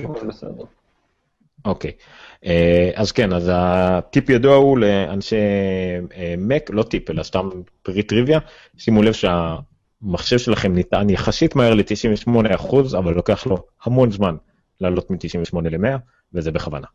אה, זה בדיוק מהסיבה הזאת, כדי לא להטעין סוללה לחלוטין כמה שפחות. אמ, אוקיי, כל מה שיש לי להגיד לכם לגבי השעון והכל, פשוט תסתובבו אה, שבוע, שבועיים עם שעון חכם, ונראה לי תבינו הכל מה שצריך לדעת כדי צריך את הדבר הזה. מה שכתוב בכתבה, אגב, שדי מדהים, זה שיש 3,000 שעונים אה, מסתובבים בעולם. נכון, שמעתי. אה, בטסטינג, זה די הרבה. ואמרת לגבי מפתחים, שדווקא ממה שאני קראתי ממפתחים, שאפשר לעקוב אחרי דיוויד סמית, מי שרוצה, באנדרסקור דיוויד סמית בטוויטר, הם מאוד מתרגשים מזה דווקא, דווקא בגלל שזה מוגבל יחסית, ויש הרבה דברים שהם יכולים לעשות בכלים מאוד פשוטים יחסית כרגע, זה נותן להם את האפשרות לקפוץ ישר למים ולפתח את המקסימום שהשעון הזה יכול לעשות, וזה פחות או יותר גם מיישר, זאת אומרת, אם מישהו רצה להתחיל לפתח את האייפון, לאייפון ב-2008-2009, וואו, העולם היה פתוח בפניו. אם אתם רוצים להתחיל לפתח עכשיו, יש טונות של מטען ודברים ומתחרים ודברים ללמוד, אז עכשיו בשעון כזה זה מין כזה עוד פעם קצת ליישר את המגרש, זה לא דורש הרבה אם יש לך אפליקציה לאייפון אז זה רק עוד extension, הרי זה לא משהו שעומד בפני עצמו, אז דווקא מפתחים די, די מתרגשים מהאפשרויות שיהיה להם דווקא בגלל שזה יחסית מוגבל כרגע, אבל uh, זה, יש המון רעיונות שאתה יכול לעלות ולעשות ואתה תהיה כמעט הראשון שתעשה את זה כנראה. כן, לא, לא, ללא ספק, הפרסט, בהתחלה אה, אתה יכול אפילו להצליח עם אפליקציות שעושות פלוצים, או שאתה שותה בירה, או כל מיני דברים כאלה, או just uh, I'm rich. אבל כן, בהתחלה יש פוטנציאל להרבה הרבה הרבה דברים, אבל שוב, מבחינת היכולות שיושבות אצל השעון היום, אני הבנתי שיש סיכוי שבהמשך הוא יוכל לעשות יותר מאותם תשעה פרוססים או תשעה... או תשע קלאסים כאלה. אני, אני, הרגע עלה לי רעיון לאפליקציה. כל פעם שאתה עונה לטלפון והשעון על היד הזאת, אז את- א' כל הטלפ- השעון יודע שאתה בשיחה ויודע שהיד כאילו הזאת נמצאת ליד האוזן. אז הוא כל פעם הוא יראה פה על המסך של השעון, כאילו אתה יודע, אתה יודע, אייקון של שיחה כזה ירוק ומי מדבר איתך עכשיו, ושזה תמיד יראה בר רפאלי. אני חושב שזה מיליונים. זה דומה ל-I'm rich, אבל אחרת. משהו כזה, לא משנה מי אתה מדבר, ואז פתאום רואים בר רפאלי ואז שומעים אותך אומר באימא. אז כל עוד אתה נמנע מדברים כאלה זה נראה לי... כן, אני- אני הבן של רב רפאלי. אה, לכו תדעו איפה היא הייתה בין אה, 80 ו- אה, בין 80 ל-82. אוקיי, יאללה, הגענו לעיקר. עיקר, כן, ב-11 וחצי בערב. יאמר לזכותם שהתחלנו מאוחר. לזכות מי? מייקרוסופט. אה, כן. אוקיי, ויש לנו עוד את השקשן העיקרי שלשמו עידן פה, אם הוא יצליח להישאר בחיים. נשאר, נשאר, הכל בסדר. אוקיי, אז אה, אם לא. הוא יצטרך לבוא שבוע הבא, לא תהיה לו ברירה. כן. אה, הוא קצת בשדרות, אבל הוא יבוא ברגל. ה- החדשות הכי גדולות של השבוע, אה, וזה תמיד מפתיע, זה, זה מפתיע, זה מפתיע שזה מפתיע להגיד את זה, אה, באות ממייקרוסופט. אה, מייקרוסופט היה להם ב-21, היה להם אה, כנס שבו המטרה המוצהרת הייתה לדבר על אה, Windows 10, על חלונות 10, היה להם אירוע דומה לפני, כמה זה היה? חודשיים? שהיה מיועד רק לאנשי עסקים ועיתונאים ו businesses, סליחה יותר נכון, לא אנשי עסקים אלא לאנשים, אנשים ו enterprise, אז עכשיו היה להם אה, אירוע שיותר יועד לקהל הרחב ולקונסיומר, לצרכן, ויש שם הרבה עיתונאים. אה, האמת שאני רוצה להתחיל דווקא מאיפה זה היה, זה. רגע, רגע, לפ- לפני, טוב. עוד לא, אני אני. אני, אני מתחיל דווקא מהקוריוז, דווקא מהדבר הטיפשי הזה, בואו נוריד את זה מה, מהפרק. אז אה, כן, אז היו המון אה, עיתונאים, בדווקא מקום מאוד מגניב, מי שראה אירועים של אפל ראה את אה, אולם ענקי, כיסאות רגילים וכדומה, אז פה דווקא אפשר לראות אה, יותר כורסאות והכל, אבל גם רואים תופעה מאוד מעניינת באירוע שהוא כולו של מייקרוסופט, במשרדים של מייקרוסופט. אה, כל העיתונאים כמעט. עם אה, מחשבי אפל, תפוחים זוהרים בכל מקום, אה, פשוט, או אייפדים, חלק היו גם עם אייפדים, רואים פה איפשהו איזה פישי פה ושם, אבל פשוט הרוב המוחלט תפוחים. זה נורא נורא שישע אותי שראיתי את זה, וזה גם שישע את ג'ון גרובר, שהלינק הזה הגיע דרכו.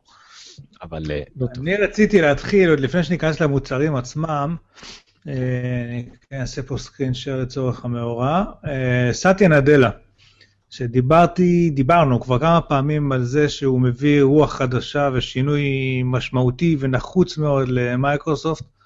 אה, אני יותר ויותר אוהב אותו ככל שעובר הזמן. אה, עד כדי כך ש Mashable עושים כתבה שזאת הכותרת שלה, did Microsoft just became cool, אה, שזה לא טריוויאלי בכלל להגיד את המילה cool ואת מייקרוסופט פה באותו משפט, המון המון זמן שלא היינו שם, אבל היה פה איזשהו quote אחד שדווקא אותו חיפשתי, רגע, תן לי שנייה. אומר שסטיה נדלה פתח את הדברים שלו אה, על ידי זה שהוא אומר שיש להם בולד גול, כאילו מט- מטרה אמיצה, והמשפט שהוא אמר אחר כך לדעתי די מראה את ההבדל בינו לבין פלמר ואפילו בינו לבין גייטס. Uh, we want to move from people needing Windows to choosing Windows to loving Windows. Uh, זה היום המצב שיש 1.5 מיליארד משתמשים ל-Windows, אה, ורובם פשוט חייבים Windows. חלק בגלל שלפני 10 שנים האיש IT בחר את המערכת ההפעלה הזאת, חלק לפני בגלל ש-20 או 30 שנה כבר הם נכנסו ל ecosystem של Windows, של מייקרוסופט, ולא יכולים לצאת משם.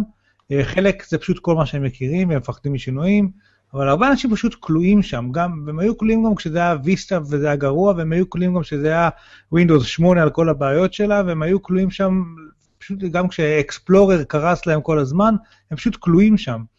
והם מבינים את זה מייקרוסופט, הם מבינים שהם הידרדרו בכל מיני תחומים, הם מבינים שהמוצרים שלהם אה, כבר לא ה-first choice איפה שאפשר לבחור, אבל הם גם מבינים שהם כן עשו כמה מהלכים גם בעולם הגיימינג עם הקונסולות וגם בעולם ה... אה, המובייל, ש- שבו הם עשו מוצרים מספיק טובים כדי שאנשים אשכרה יבחרו להשתמש בזה כי זה טוב. אה, סאטיה נאדלה רוצה לקחת את זה לשלב הבא, לשלב שגם Windows עצמה תהיה מערכת אה, שלא ישבו כל הקהל שם עם מחשבים של אפל, אלא ישבו עם מחשבים של Windows, כי הם נהנים, כי המוצר טוב והם נהנים ממערכת הפעלה. אה, אני חושב שהרוח החדשה הזאת שהוא מביא ל... אה, למייקרוסופט באופן כללי, והיא מתבטאת במוצרים שעוד שנייה נדבר עליהם, אבל היא הדבר הכי משמעותי שקורה אצל מייקרוסופט בתקופה האחרונה. אני מקווה, מקווה, שוב פעם, כמה שאני אוהב את אפל וכאלה, אני אוהב את אפל כי יש להם מוצרים טובים, אה, אני מקווה שמייקרוסופט חוזרים לעניינים אה, ויחדשו ויהיו מרעננים, כמו שהם עושים דרך אגב לאחרונה לא מעט. רוב המוצרים החדשים, המערכות הפעלה שלהם נראות שונות ואחרות ומקוריות, גם למובייל, גם לדסקטופ, ונקווה שהם ימשיכו ככה, ושיש שם קצת יותר סדר שיאפשר להם לעשות פחות טעויות, כמו שהם עשו לצורך העניין עם Windows 8, אבל אני חושב שהם בכיוון הנכון לגמרי. אגב, אם אני יכול לתת כמה, את הכמה סנט שלי על אה, מייקרוסופט וגיימינג לפחות, אה, אני יכול להגיד שמאז ההשקה של האקסבוקס 1, היה להם כמות פסיכית של בעיות, או לפחות לפני ההשקה. כלומר, יש להם עדיין את העניין של ה... המון פעמים, מה שאפל הרי תמיד אומרים עליהם שהם כל כך טובים, זה העניין של אפל יודעים לפני כולם מה אתה צריך. ומייקרוסופט מנסה להראות את זה כל הזמן, בכל ההכרזות שלה על האקסבוקס 1, היא ניסתה להראות את כל העניין של ה-share play וכל העניין של לחלוק עותקים עם החברים שלכם, אבל תוך כדי גם שמה המון המון המון הגבלות על המשתמש. וזה מהפעמים היחידות האלה, שגם קרתה לאפל בזמן האחרון, אבל שזעם מעריצים אה, הופנה עליהם, על המוצרים החדשים שלהם, עד כדי כך ברמה שהם בהם היו צריכים לשנות את המוצר שלהם. כלומר, אם זעם המעריצים על Windows 8 הביא להחזרה של כפתור ההתחל ב-Windows 10, זעם המעריצים העיף את ההגבלות שהיו אמורות להיות על זה שאני לא יכול אפילו למכור דיסק שקניתי, משחק שקניתי לאקסבוקס 1, אני לא יכול למכור אותו לחבר שלי בלי שהוא קונה קוד שיאפשר לו להשתמש בזה עוד פעם. שזה היה מהלך אנטי, אנטי, אנטי צרכני, זה היה נגד הצרכן, זה היה לגמרי מהלך שהיה יכול לרסק את מייקרוסופט, פגע בה אגב אנושות בהשקה שלה, ההשקה שלה לא כזאת טובה. וכרגע זה ממש החודשים האחרונים, בהחלט הם החודשים שבו מרגישים את השינוי הזה. כלומר, הם שינו באמת את ההגבלות שהם תכננו לעשות, ואז הם גם עכשיו עשו שינוי וחתכו את המחירים, פיצלו את הקינקט, המון המון אה, החלטות שגויות שהם עשו בהתחלה. הורדת מחירים זה מבצע בלעדי בחצי שנה האחרונה. זה נכון, אבל זה החלטות שבדיוק האלה הם מה שגורמים לשינויים האלה, כלומר לזה שבחודשיים האחרונים מצליחים לעקוף את סוני, שזה בפעם הראשונה קורה, אבל זה, זה מוכיח, מראה שבאמת יש שם רוח של שינוי, אבל הם חייבים להתחיל להתאפס על עצמם יותר מה הם עושים לפני שהם עושים את זה. המזל, המזל של מייקרוסופט בעולם הקונסולות, זה שמי שיש נגדם זה סוני, שמצליחים להיות כושלים יותר במגוון דרכים משלהן. יש להם יתרונות ודברים שהם עושים נהדר, ואני לא אומר שהם גרועים, כן? אבל כרגע לסוני יש בעיות כל כך גדולות שמייקרוסופט יכולה אה, לסגור את הפערים בזמנה הפנוי. אה, בנוסף על האקסבוקס 1, אני רוצה לומר שגם שם, אה, להבדיל מסוני שהביאו PS4 שהוא הכל יותר טוב, אבל בדיוק, כאילו כמו הקודם, רק יותר טוב בכל אחד מהפרמטרים, מייקרוסופט ניסו לחדש באמת אה, וליצור את הסלון החכם או את הטלוויזיה החכמה, אני לא יודע, לפתור את אותה בעיה מיתולוגית שאנחנו מדברים על זה שההורים שלנו לא יודעים לעבור מהווידאו ל-yes, לאפל TV, כי הם צריכים להחליף כל הזמן את האינפוטים והסורסים וזה, ניסו לפתור את זה שם בדרך של לדבר עם המכשיר ולהגיד לו, תשים לי טלוויזיה והוא מחליף לך לשם, בארצות הברית כמובן זה רק רלוונטי, לא אצלנו, אבל אני לא, לא חוויתי את זה מספיק כדי לראות, כדי להבין אם זה שווה או לא. אה, עד שהצלחתי לשים ידיים על אקסבוקס 1 זה היה בעיקר לשחק קצת, אה, אבל לפחות ייאמר לזכותם שהם מנסים להביא חדשנות אמיתית, אה, יש להם קצת בעיית execution, אבל אני מניח שהם ישתפרו גם בתחום הזה לאט לאט. אוקיי, אז היה אירוע. לא רק לדבר על... היה אירוע. רק נדבר על זה, בואו נלך טיפה לפי הסדר שבו זה גם פחות או יותר היה. אז לפני הכל, הם הכריזו על Windows, אני אעלה פה את הזה של גיק אה, טיים, אה, כי הוא מדבר רק על... אתה יכול לשים את הלינק של טקראנט שעושה... אני לא רוצה על כל האירוע, אבל... אתה תרוץ את כל האירוע, לא תלך חברה. בוא נחליף בינינו, אני על גיטה, אתה תעלה קייקטון ונראה מי ינצח. אה, אוקיי. נראה מי ינצח כשהשליטה אצל עומר. כן, לא אמרתי שזה הוגן. אוקיי, לא, זה באמת שכל אחד שידבר פשוט, זה זה, כן. בסדר. אוקיי, אז מה, אה, מה היה בכל מה שקשור לווינדוס 10? אני, אני מתנצר טכנולוגית אם אני נשמע מוזר, כי אני קצת אה, משנה מרחקים מהמיקרופון. אה, אוקיי, אז לפני הכל, אני לא יודע באמת אם זה היה הסדר באירוע, אבל בואו נגיד, נלך לפי הכתבה בו כרגע. הם הכריזו על Windows 10 אה, חינם. עכשיו, כשהם הכריזו על זה חינם, לפחות ממה שאני ראיתי, הם עשו את זה בשלבים, כאילו, כמובן שווינדוס 10 יהיה חינם לכל מי שיש לו ווינדוס 8. הוא יהיה חינם לכל מי שיש לו ווינדוס 8.1 לטלפון, וגם חינם למי שיהיה ווינדוס 7. עכשיו, חינם בשנה הראשונה מאז שהיא תצא. אני הבנתי את זה ככה, פשוט בשנה הראשונה, מי שירצה לקנות, אה, יקבל את זה בחינם, שנה אחרי זה כבר הם יתחילו לגבות תשלום, לא יודע איך הם הולכים לעקוב אחרי זה. אבל משהו בקצב של איך שהם הראו את זה, והחשיפה, מה שנקרא, היה די איטי, כאילו, אני עדיין חושב שהאירועים של מייקרוסופט הם לא מי יודע מה הדוקים, הם הרבה יותר טובים משל סמסונג, אבל הם עדיין פחות טובים משל אפל, אבל זה ספציפית. זה הרגיש שמנסים לייצר מתח אה, במקום שבו לא היה מתח. כאילו. כן, ומנסים לייצר גם מקומות עבודה למעצבי שיער כנראה, כי אין לי איך להסביר את מה שקרה שם, אבל בסדר. אז דבר ראשון, היא חינמית. אה, והם גם אומרים פה יפה בגיקטיים שזה יחסית משמעותי, כי הם עושים את זה על ווינדוס 7 חינם, מדובר על מערכת הפעלה של בת 6 שנים, אה, והיא מותקנת כרגע ב-56 מכלל מחשבי הדסקטופ בעולם. אה, וסך הכל 70% מהמשתמשים היו בחינם. אפל תמיד התגאתה בזה, ש... התגאתה בזה שיש לה 90 ומשהו אחוז, אז פה 70% מסך הכל האנשים בעולם יוכלו לקבל מערכת הפעלה חדשה לגמרי בחינם. דרך אגב, מאוד- אחת השמועות שאני שמעתי לגבי המספר הזה של שנה אחת רק בחינם, הוא שמה שאמור לקרות בתום השנה הזו, זה שיצא Windows 11, כאילו הם כן ייכנסו לסייקלים כמו של אפל של שנה, ואז גם הוא יהיה בחינם, אתה יודע, זה שניים שלושה דורות אחורה. אה, וזה כאילו הדרך שלהם לגרום לאחוז אה, אימוץ מהיר, כמו אצל אפל, כאילו שצ'יק צ'אק מלא אנשים, אה, כאילו לתת מוטיבציה לאנשים לעשות את האפגריד כמה שיותר מהר, כי אחר כך זה כבר לא יהיה חינם, אז, אז כדאי להם לעשות את זה עכשיו. זה הכיוון שאני הבנתי, וזה make sense, כאילו סך הכל מאוד נוח לחברה שמבטחת תוכנה, שכל המשתמשים שלו יושבים על הגרסאות האחרונות, אה, והם לא צריכים לתמוך אחורה בגרסאות אה, ישנות מדי. זה האיש המצחיק, הראית אותו קודם, עם התסרוקת המצחיקה, הוא עשה גם את הפרסומות, את הפריוויו הקודם של Windows 10, למטה, למטה, איפה הוא היה? נכון. כן, כן, תכף אה, נראה את זה. אה, אני, הם אמרו את המשפט הזה, וזה בעצם אומר הכל. מבחינתם, אני, נראה לי שזה המציג הראשי אמר את זה, Windows is a service. Windows זה כבר לא תוכנה, זה כבר לא עוגן אה, מכירתי וחובה, וזה ברור מאליו של כל המס מבחינתם. Windows 10 זה another service. הם רוצים להכניס אותנו למנגנון של שירותים. אה, כמו שגוגל נותנת שירותים בחינם תמורת המידע שלנו, אבל אה, מבחינתם זה אתה אולי, זה יהיה שנה חינם בשנה הראשונה, ואחרי זה כדי לקבל את 11, 12 וכולי, נכון, זה יהיה שנתי, שלם לנו 100 דולר בשנה, אתה תקבל את Windows, את Office, את כל השירותים של 365, את OneDrive, את Xbox Live, הכל בסכומים מסוימים, הם רוצים פשוט להיכנס לסרוויס. אה, לקחת מאנשים תשלום מתגלגל חוזר, זה החלום הרטוב של כל בית עסק בעולם בערך.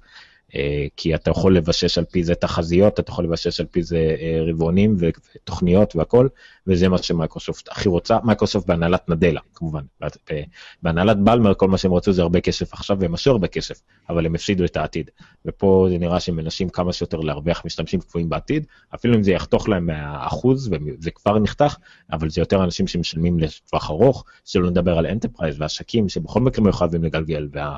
העניין הזה של השנה חינם לא תקף אליהם, כי הם קונים גם ככה חבילות שירות ותמיכה וכולי וכולי וכולי. זה, זה בעיקר המשמעות של החינמי כרגע, כי ווינדוס זה פשוט עוד service. אמ, עכשיו במסגרת משתמשי אפל שיכולים סוף סוף לצחוק על אה, אחרים ולהגיד שאצלנו זה היה קודם, אה, אינטגרציה מלאה בין המכשירים. שזה, אין, אין, Handoff.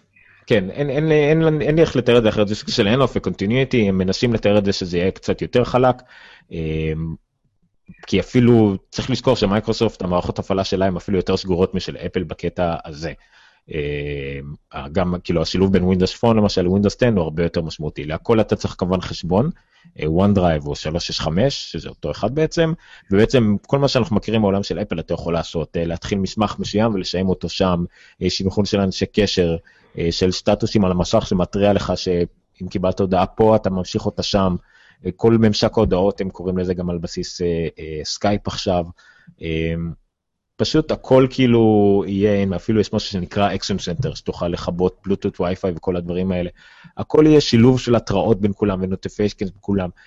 יש לי הרגשה גם, לצערי, שהם הולכים לעשות את זה גם יותר טוב מאפל. זאת אומרת שאם קיבלת notification בטלפון, זה לא יתריע לך גם במחשב. אם קיבלת שיחה והטלפון פתוח, זה לא יצלצל לך גם בכל שאר, לא יודע, משהו באיך שאפל עושה את זה, למרות שהם דווקא היו ראשונים בתחום הזה, ועובד מעולה, אבל עובד לפעמים קצת יותר מדי טיפש, אולי פה זה יהיה אפילו קצת יותר חכם אצל מייקרוסופט.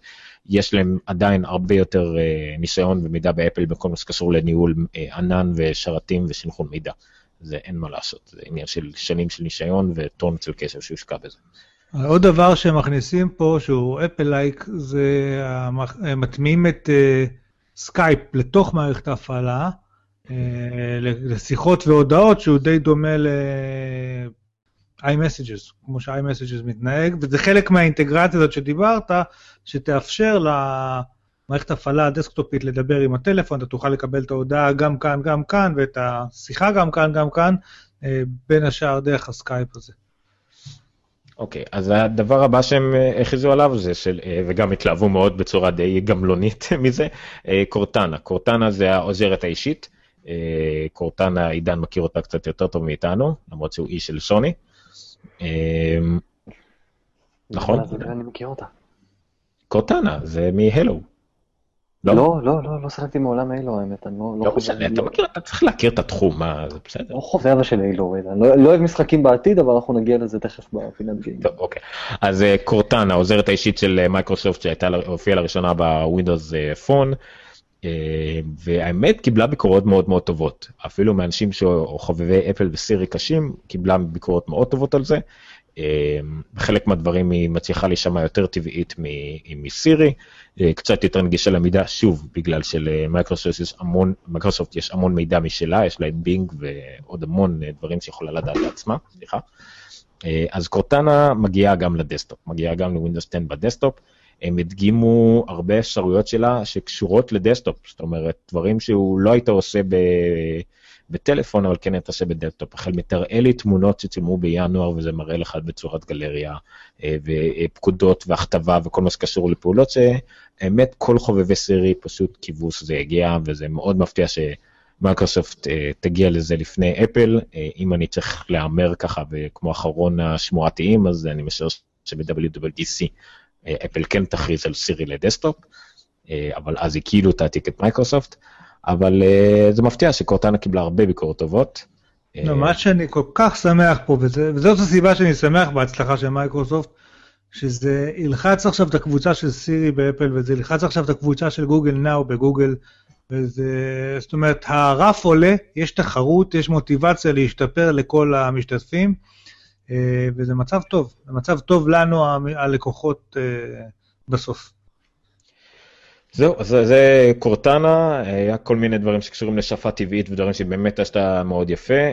הם הראו גם הרבה דברים, אני, לפני שנדלג על הבא, אם ראיתי, אולי אתה יודע, במקום להראות את הדברים האלה, נראה ברקע משהו אחר, ואז אני, זה, לא משנה. איפה זה, איפה זה, איפה זה, זה, שנייה. אוקיי. סליחה, אני פשוט אשתף משהו אחר וזה יהיה הרבה יותר פשוט, רגע, אוקיי. היי. אנחנו, זה, זה מסוג הדברים שאני מקווה שאני אזכור לערוך באודיו. אוקיי, אני רוצה שנראה את זה. זה uh, The Verge השו, ההכרזה של מייקרוסופט בשמונה דקות, אז אפשר לראות ככה ברקע, זה קצת יותר מעניין מאשר לראות אותנו מראים דברים. אז uh, איפה, אני כבר שכחתי, אבל איפה הייתי? איזה עצוב. אנחנו כל כך לא זה. אוקיי, הם הראו למשל, הם הראו למשל המון חבילה, בגלל שמנסים הכל להכניס, כולם להשתמש בוונדרב כמה שיותר, הם אה, הציגו, וגם זה יפה איך הם אנשים, הם הולכים בין הטיפות בלי להזכיר מושגים של אחרים. הוא פחות או יותר תיאר את Photo Stream באיזה 14 מילים, במקום להגיד Photo Stream. אתם לוקחים את כל התמונות וזה מצלם מכל מקום שתצלמו לוואן דרייב, ואז זה מעתיק את זה למחשב שלכם בבית ומשדר לכם את זה תחת Photo Stream, תגיד Photo Stream וזהו. אבל כן, זה בדיוק מה, מה שזה, אה, וזה עובד יפה. אה, למייקרוסופט יש הרבה יותר ניסיון באלגוריתמים של תמונות, כמה שזה מפתיע, יש להם מעבדות שלמות שעושות את זה, והן יכולות לעשות לך אלבומים מלאים על בסיס פרצופים, מקומות וזמנים, בצורה הרבה יותר מדויקת ממה שאפל יכלה לעשות. גוגל קרובה לזה, אבל גוגל יש לה שטויות אחרות שהיא עושה, אז זה גם מאוד יפה. עוד דבר שהם אה, אה, הכריזו עליו, אה, וואי, כמה, אני לא יכול, אני לא יכול להתנתק מהשאר של האנשים פה. אה, זה הם- אותו אחד, זה אותו אחד שהוא... לא, יש עוד אחד אחרי זה שיש לו שער עוד יותר נוראי, עזוב. אז הם, הם הכריזו גם על דפדפן חדש. אמ, אפשר היה להבין בין השורות שזה יחליף את אינטרנט אקספלורר, אבל זה פשוט עוד. מוכן. כן, זה פשוט לא. אבל אה, אה, ממה שאני קראתי דווקא הם יגיעו גם וגם. גם וגם. סביר להניח שזה כמו שהיה עד עכשיו, היה שתי אינטרנט אקספלורר, היה אחד ב-Modern UI ואחד בדסקטופ הרגיל. אז זה כנראה יחליף את הזה של ה-Modern UI. אמ, דפדפן מתקדם, שזה הרבה יותר, זה המון, זה המון מה להגיד על אה, דפדפן בבית מייקרוסופט, שהוא מתקדם באמת. אה, יש בו את כל הפיצ'רים שאנחנו מכירים גם מהספארי וגם בכרום, אה, סליחה, בכרום אין reading list, אבל פה יש, לא משנה. reading list, markup, שאתם יכולים לסמן קטעים מעמוד ולשלוח אותו, אה, שיתופים, אני כבר, מה עוד הם אמרו שיש פה? אה, מינימליזם, אה, כן, לעשות הערות, מצב קריאה, הכל, בקיצור, הרבה דברים שאנחנו מכירים מדפדפנים מודרניים ולמייקרוסופט פשוט לא היה. ואם גם ספרטן אה, יאמץ אה, WebKit או סטנדרטים אחרים, אז הוא גם יהיה יותר מהיר והרבה יותר תואם לשם שינוי, בניגוד למה שהיה לנו עד היום, שהיינו כולם, כל האתרים היו מותאמים ל-5, 6 וכאלה. טיפה אדלג. Windows 10 יהיה מן הסתם גם לסמארטפונים, גם לטאבלטים. הם ממשיכים במה שהם עשו לא בהצלחה בווינדוס 8, שזה יהיה אותה מערכת הפעלה על כולם. אבל הם כן עשו שהממשקים יהיו יותר מותאמים לכל מכשיר. אה, זה יהיה מותאם אוטומטית לפי גודל המכשיר שיש לך, ולפי המגע או לא מגע. יהיה את הסטארט מניו, אבל אה, הם יעשו את כל העניין ההתאמה למסך שבו אתה משתמש הרבה יותר מדויקת. נקווה שזה יהיה אה, ככה, אה, מקלדת אה, יותר משוכללת, שגם מתאימה את עצמה, הם, הם די למדו מכל הטעויות שהם עשו עם ווינדוס 8, ואם אמרת עידן מקודם על אה, מוקדם מדי, אז יש הרגשה שווינדוס 8 הייתה מוקדם מדי, מהר מדי, חזק מדי, ווינדוס 10 מתקנת את כל הטעויות, לקחת את ווינדוס 8 ולתקן את כל הטעויות בו, שזה יפה.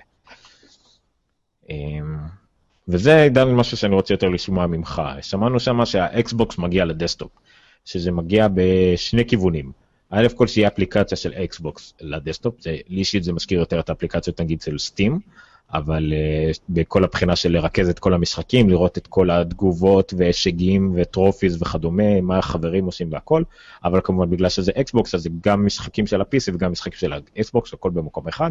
והאלמנט השני, זה עובדה שיהיה אפשר לשדר משחקים מהאקסבוקס 1 לטאבלט או ל-PC בחדר השני, ולשחק בעצם בחדר אחר עם אותו ג'ויסטיק, אותו משחק. אה, כיוון שאני וניר הפעם האחרונה ששחקנו במשחק היה משהו בסגנון Commander Keen, או אפילו זה לא, אז אה, מה, מה אתה חושב על האלמנט הזה של האקסבוקס משולב עם הווינדוס? אז העניין הזה זה היה באמת היה הכרזה שיותר סקרנה אותי מההכרזות של מייקרוסופט. אה, זאת ההכרזה באמת שהכי נגעה לי, אה, אבל אני יכול להגיד שבסוף זה נופל במבחן הביצוע. זו השאלה, האם זה ייפול כמו אה, ה-remote play של מייקרוסופט, של אה, סוני, סליחה, שהוא עדיין מגשש בין טוב ללא משהו, כמו שניר אמר קודם, לפעמים קצת נכשלים במה שהם עושים, אבל זה לא שזה משהו שלא נעשה קודם. אה, סוני עשתה את זה באמת, כמו שאמרתי, עם ה-remote play, שאפשר לשחק בעצם על הוויטה, אפשר לשחק משחקים של פלייסטיישן 4, 3 גם אם אני לא טועה, יכול להיות שאני כן טועה בזה. אה, אבל זה עניין שבאמת מאוד עוזר לעניין של הניידות, של הכיף באמת, של איפה שאני לא נמצא בבית, אני יכול לשחק. העניין שבאמת מייקרוסופט עושה את הצעד הענק הזה, ומביאה את זה עכשיו לכל PC, וכמו שאמרנו על המספרים המטורפים של אה, התקנות של PC והמספרים שאולי יהיו ל-Windows 10, זה אומר שהמון אנשים יוכלו בעצם לשחק איפה שהם לא נמצאים בבית, בין אם זה הלפטופ שלהם, המחשב הנייח שלהם, או עם האקסבוקס שלהם, על כל מסך. פלייסטיישן ניסו לעשות את זה עכשיו גם עם הפלייסטיישן TV, שמקבלת ביקורות לא אה, עד כדי כך טובות. אה, והעניין הזה של ה-streaming של משחקים הוא עדיין, עדיין, עדיין לא עד כדי כך מוכן בשביל שזה יעבוד טוב, זה בדרך כלל אתה צריך לעשות איזה סוג של downgrade לגרפיקה, הגרפיקה פחות טובה, לפעמים זה קצת עם לאגים. זה נורא נורא תלוי בסוף ברמת הביצוע, ומאחר והם הדגימו דמו מאוד מאוד קצר, ותמיד הדמוים האלה עובדים יותר טוב בהכרזה מאשר איך שהם עובדים בסוף במציאות, השאלה היא בסוף יהיה באמת במבחן שבו אני אוכל לשבת עם הלפטופ שלי ולשחק במשחקים של ה-Xbox בחדר שינה בכיף. זה בסוף תהיה השאלה. אם זה יעבוד, זה מן הסתם יהיה באמת דבר ענק שהופך את הבית שלך להרבה יותר משחקי, אפשר להגיד. איפה שאני לא אהיה, אני אוכל לשחק, זה באמת יכול להיות ממש ממש ממש מגניב. א' כל, אתה שכחת אה, חברה אחת שעשתה את זה, אני חושב עוד לפני שוני, ועשתה את זה יותר טוב, ממה שאני שמעתי, נינטנדו. הווי יו, הג'ויסטיק שלו כולו הוא מסך שיכול להיות גם רימוט פליי לחלוטין. אתה יכול אה, להעביר את המשחק שאתה משחק בו כרגע או כזה מסך נוסף, או פשוט להעביר את כל המשחק וללכת לשחק מחוץ לבית בכלל. זאת אומרת, אפילו לא באותו רשת. אני לא אנסה אפילו להתיימר לדבר על ווי יו, כי אין לי שום ניסיון עם המערכת הזאת, כמו לצערי הרבה הרבה הרבה הרבה מאוד אנשים. אה, האלמנט השני שמעניין אותי זה כמה חשוב לך העניין הזה של אה, כל האלמנט החברתי והחברים וה-trophies והדברים האלה. אני טיפה שאני נכנס לקבוצות בפייסבוק כמו Working Gamers וכאלה, אנשים משתפים את הפרופילים שלהם ב-Steam וכמויות המשחקים וכאלה, אתה חושב שזה משהו שהוא אה, יש לו, אני, אני אישית לא יודע, אני נראה כאילו משהו שהייתי אולי נכנס שלב עם איתי גמר, אבל רואה המון שפשוט לא אכפת להם, או שזה רק בגלל שכולם גם ככה משחקים בפרוץ, ובפרוץ אין לך אונליין וכאלה. לא זה לא העניין, גם מייקרוסופט באמת הכי, היא מהלוחמות הכי טובות ב, והכי אגרסיביות בהאקרים ובפורצים. העניין של הסושיאל, שזה גם משהו שסוני גם עשו אותו, ממש בפלייסטיישן עשו אותו די טוב. כל העניין של ה-social integration, לחבר את הפייסבוק, לחבר את יוטיוב ו-Twitch וכל הדברים האלה, זה דברים באמת שמתחברים. אז אני לא יודע אם תהיה עד כדי כך השפעה מהחיבור למחשב מהבחינה הזאת. אני חושב שהמהפכה האמיתית פה יכולה להיות באמת מהעניין של ה-streaming של המשחקים, כי ה-social gaming כבר, גם מייקרוסופט עושה את זה, גם סוני עושות, עושות את זה, Steam עושה את זה, זה כבר משהו שבאמת רץ, שאני באמת חולק איתך. העניין הוא של, המהפכה האמיתית גם יכולה לבוא כשבאמת תהיה סוג של אינטגרציה מושלמת, כלומר, שגם סוני יעבדו עם מייקרוסופט, ואז בעצם יעבדו עם PC, יעבדו עם Mac, ואז בעצם לא משנה אם אני משחק Call of Duty בפלייסטיישן 4 ואתה משחק את זה ב-Xbox 1, אני אוכל לראות אותך במערכת שלי כי תסתנכרן נגיד באמצעות פייסבוק. כלומר, באמצעות פייסבוק אני יכול לראות שאתה משחק ב-Call of Duty ואני אצטרף אליך. כרגע הדבר הזה ממש לא אפשרי, שזה אחד הדברים הכי גרועים בעולם של ה-gaming כרגע. אני חושב שזה גם לא יקרה, אני חושב שהדבר הכי קרוב למשהו דומה למה שאתה מתאר זה שיתוף משחקים של מה שעשית זה Twitch. אה, זה נראה לי הכי קרוב לחברתי קרוס פלטפורם וגם זה קצת אה, הלך פקק טקסט שאמזון קנתה את טוויץ ועכשיו למייקרוסופט יש לה את העניין הזה, משלה אתה יכול להקליט את מה שאתה משחק ולפרשם וכל אחד מנסה פתאום להיכנס לנישה הזאת. ברור, אני יותר מדבר על מצב שבו, כלומר אני רואה שאתה מתחיל לשחק Call of Duty ואני כלומר מציע לך להצטרף אליי לפארטי ולשחק כולם ביחד כי אני כי אתה חבר שלי בפייסבוק ואני מכיר אותך, אז אני יכול לשחק איתך. אתה חושב שזה מגבלה של הקונסולות או מגבלה של מפתחי משחקים? למיטב ידיעתי זה משהו שבעיקרון מפתחי משחקים יכולים לעשות את זה, אבל הם בוחרים שלא, כי זה הרבה יותר מדי יקר, אבל גם, גם ל-Microsoft וגם לסוני אין בעצם באמת סיבה לעשות את זה. הם לא היו רוצים שאני אוכל לקנות מה שאני רוצה ואתה תקנה מה שאתה רוצה. הם רוצים שאם לי ולניר יש פלייסטיישן, אז גם אתה תקנה פלייסטיישן, כי אתה לא רוצה להיות ה... odd man out, אתה לא רוצה להיות היחידי שלא יכול לשחק.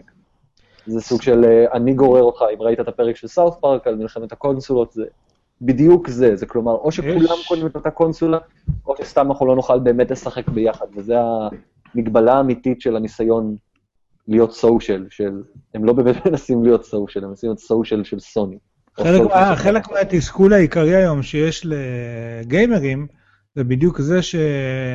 עזוב שאני צריך לבחור קונסולה אחת, המשחקים יוצאים כל אחד לקונסולה אחרת, ואתה כאילו ממש לא יכול, מאוד קשה להגיע למצב שבו אני כמו פעם יכול לבחור משהו ואז לקנות את כל המשחקים לזה. היום יוצאים המון משחקים רק לחלק מהקונסולה. ובימינו כבר גם כתבנו על זה טור, אה, שודדי המשחקים, אתה מחפש אותו בגיקסטר, בדיוק על העניין הזה של מייקרוסופט שקנתה לדוגמה את טומב ריידר, פתאום טומב ריידר לא יוצא יותר לפלייסטיישן, לא, לא, זה, זה פשוט היה עניין שמאוד הרעיד את uh, תעשיית ה-gaming, עכשיו סוני עשתה את זה עם סטריט פייטר, אם אני לא טועה. זה מלחמה שעכשיו הולכת נורא לפגוע בגיימרים, היא רק פוגעת בגיימרים. והעניין שהקונסולות גם הכניסו את כל העניין של אה, ב-DLC וכל הדברים האלה שבעצם פוגעים בכל החוויית gaming. אז יש פה המון מצד אחד ניסיון להיות הרבה יותר טובים לגיימרים, הרבה יותר עובדים לגיימר, הרבה יותר social, הרבה יותר אה, אינטראקציה עם הגיימרים, אבל מצד שני יש המון הגבלה ומוצרים יוצאים חצי אפויים, אססנס קריד יוניטי, אם שמעתם עליו, על הבאגים המטורפים שיצאו איתו. העולם של הגיימינג הוא באמת במקום נורא נורא מוזר כרגע, והשאלה היא מתי סוף סוף, אולי רק בדור הבא זה ייפתר באמת, שבו כל הקונסולות יעבדו ביחד כדי בעצם, שאני באמת אוכל לקנות את הקונסולה שאני ממש רוצה, ולשחק עם כל החברים ועם כל מי שמשחק, אני אוכל לשחק איתו. אבל זה כרגע הבשורה שאני מחכה לה לפחות בתחום האקסבוקס והפלייסטיישן מהבחינה של ה... החיזוי שלי אגב הוא שלא יהיה דור הבא, אבל אה, לא יהיה דור הבא. אה, לא אוקיי, טוב, הדבר הבא הוא קצת יותר במגרש של ניר, בגלל שהיחידי שעובד הוא עבד בעבודה אמיתית. הם הוציאו, מייקרוסופט הוציאו מסך ענקי. אה, מה זה עושה? אין לי מושג על מה אתה מדבר, מה, הולוגרמות? לא, 84 אינץ', שלא שמעת על זה. לא, ממש לא מאחורי הבן אדם פה. אז מה שאנחנו רואים, מה שאנחנו רואים פה, מה שאתם רואים על המסך שלי עכשיו, הם הוציאו מסך 84 אינץ' 4K טאץ'. אפילו לא מופיע לי בסיכום של טקראנץ'. אוקיי, אה, זה בפועל אה, מסך לכל דבר. אה, פשוט הקטע שלו, איך תיארו את זה, זה OneNote ענקי. זה המטרה היא כי אתה יכול בעצם לעשות אה, מצגת שלמה לאנשים. איפה, איפה? תראה לי שוב פעם, אני עכשיו מסתכל על המסך שלך ואני לא רואה על מה אתה מסתכל. הנה, הנה זה. אוקיי, זה הופך להיות פשוט מסך לכל דבר, אפשר לראות אותה, אה, כולל לכתוב ולהסביר מה, מה אתה רוצה לעשות, להציג דברים, כל הדברים האלה קורים, ומוקלטים למשהו שהוא בסופו של דבר אה, סוג של מחברת OneNote משוכללת. ואתה אחרי זה תקבל את זה למייל, את כל המצגת הזאת אחרי סיום הפגישה, ישיבה או משהו, זה לא יהיה. טוב, אז OneNote אני יכול להסביר מה זה, אבל אני לא מבין מה הקשר למסך. OneNote על מסך 84 אינץ 4K. בגדול נראה לי טאבלט מאוד גדול, או וואקום מאוד גדול, מה שאנחנו נכון. רואים. בדיוק, שזה מיועד... החיבור שלהם, החיבור שלהם, אתה יודע, תתחיל בסרפס של פעם, ופשוט עכשיו על הקיר ולא על השולחן, אז הוא טלוויזיה. אני דווקא רואה את זה, אתה יודע, בחדרי הדרכה, מצגות וישיבות. לא, יש כאלה, תראה, בבסיסי צה"ל, אני מכיר כאלה מלפני עשר שנים, אה, לוחות שמקרינים עליהם מצגת, וכאילו אתה כותב עם טוש דיגיטלי על המצגת, ואתה יכול כאילו טיפה לשחק עם מה שיש שם. זה level אחד מעל מה שרואים פה, שהוא שיחק קודם עם מודל תלת-ממדי, ויש פה גם תמיכה ב-gestures, אבל... אה, ולא לזלזל בזה שאתה בסוף הישיבה מקבל בדיוק את מה שהשיב בישיבה ישירות למייל, ואתה יכול uh, תמיד כאילו לחזור. כן, זה גם נורא. בסדר, זה באמת התפתחות מבורכת, כאילו, זה בהחלט יכול... כן. פשוט זה נורא הפתיע אנשים, כאילו אף אחד לא היה מושג למה. אתם מציגים את זה עכשיו, כאילו. אני אשכרה, באמת, אני אומר לך, אני מסתכל בטקראנט שאני לא רואה את זה בכלל, כאילו, זה לא... אוקיי, 12 וחמישה בלילה, בואו בוא נגיע לעיקר פה. מה, מה באמת מעניין אותנו? מה באמת תראו את זה? נראה לי, ניר, אתה בקטע היותר התלהבותי מזה, ולמרות שגם אני, אז בואו, מה אנחנו רואים? הולוגרמות. אוגמנטד uh, ריאליטי, זה מה שאנחנו רואים. Uh, יש את אוקולוס ריפט שהם עושים וירטואל ריאליטי, יש את מטא uh, שעושים אוגמנטד ריאליטי, גוגל גלאס עושים סוג של אוגמנטד ריאליטי, כי זה איזושהי שכבה על המציאות, אבל... אה, זה השיער המוזר השני? כן, כן. באמת יש להם איזה בעיה קשה שם. איזה רוקסטאר. יכול להיות שפשוט בסיאטל בדיוק, אתם מבינים? בסצנת הגראנץ', כאילו, צריך לזכור את זה. זה לא סיליקון וואלי. אמ, אבל אם כבר סיאטל, זה אחד המקומות הכי קסומים בארצות הברית, איך הם מסתובבים שם עם כל הפן הזה? זה היובש באוויר, הוא... סתם, לא יודע. אה, בכל אופן, אז אוגמנטד ריאליטי זה מציאות רבודה, לשים שכבה דיגיטלית כלשהי על המציאות, זאת אומרת, אתה עדיין רואה את מה שיש מעבר למשקפיים, להבדיל מווירטואל ריאליטי, אה, ועל, ועל זה אתה מגיב לשכבה. יש משחקים כמו שהם הראו עכשיו, שזה נחמד. אה, יש דברים כמו שראינו כבר לפני שנים, של לצורך העניין, תלך ברחוב, ותראה את ילפ אה, מופיע לך על המסעדות, אה, תוצאות של ילפ מופיעות על המסעדות אה, שאתה רואה לידך ברחוב, אתה יכול לראות מבצעים, תפריטים, שעות פתיחה וכל מיני, ודירוגים וכאלה דברים. אתה רואה את עצמך הולך עם זה ברחוב? תראה, כמו גוגל גלאס וכמו עוד כל מיני דברים, אנחנו בסוף נהיה שם, אני לא יודע איך זה ייראה בדיוק, אבל אלה השלבים שצריך לעבור בדרך כדי להגיע לשם. אה, אם המשקפיים אה, כרגע, הדור הראשון שמוציאים פה נראים כמו איזה קסדה של מטא מסטארט-טרק, אז, אה, או אפילו משהו יותר גרוע מזה, אני לא יודע. האמת שהם דווקא די אסתטיים, כן? מבחינת איך שהמשקפיים נראים עצמם, אבל obviously זה לא משהו שאתה יכול ללכת איתו כרגע ברחוב ככה סתם. מי שצופה, מה שאתם רואים על המסך כרגע זה הדגמה חיה של זה באירוע של Windows, זה לא משהו תיאורטי. אה, אם אתם תראו באחד מהפרמים רואים גם איך הם צילמו את זה, אז זה עם מצלמה מטורפת שצריכה גם לצלם וגם להקרין מהמחשב כאילו את מה שהבן אדם רואה, זה די, די מוגזם, כאילו, בגלל זה זה נראה כמו הולוגרמות, שזה בפועל, כאילו, זה לא באמת הולוגרמות שכולם רואים, אלא כן. רק דרך המשקף, אז סתם שתראו מי שרואה, שזה תכלס איך שזה עובד בפועל, הנה ככה רואים בעצם, כאילו זה מוקרן בחלל, אבל ככה זה נראה באמת, כאילו אין שם כלום, והיא משחקת עם אוויר. הם גם עשו הדגמה מאוד מרשימה, שוב פעם, של עריכה באוטוקאדים כאלה, ורואים את המודל התלת-ממדי על השולחן ליד העורך, שהוא יכול לסובב אותו ולהסתכל עליו מכל מיני כיוונים, והוא מגיב בריל טיים לעריכה. אה, כאן הם מראים שוב פעם משחקים עם מודלים תלת-ממדיים של איזה דרון או משהו, והנה הדרון עכשיו נמצא פה ליד.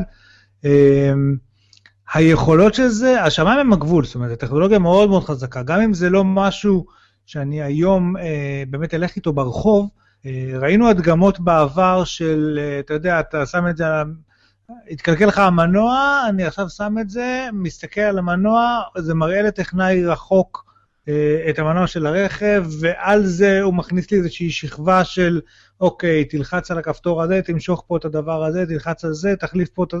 כאילו, אני יכול באמת... אה, הוא רואה את המציאות שאני רואה, אני רואה אותה גם, ועליה יש לי עוד שכבת מידע.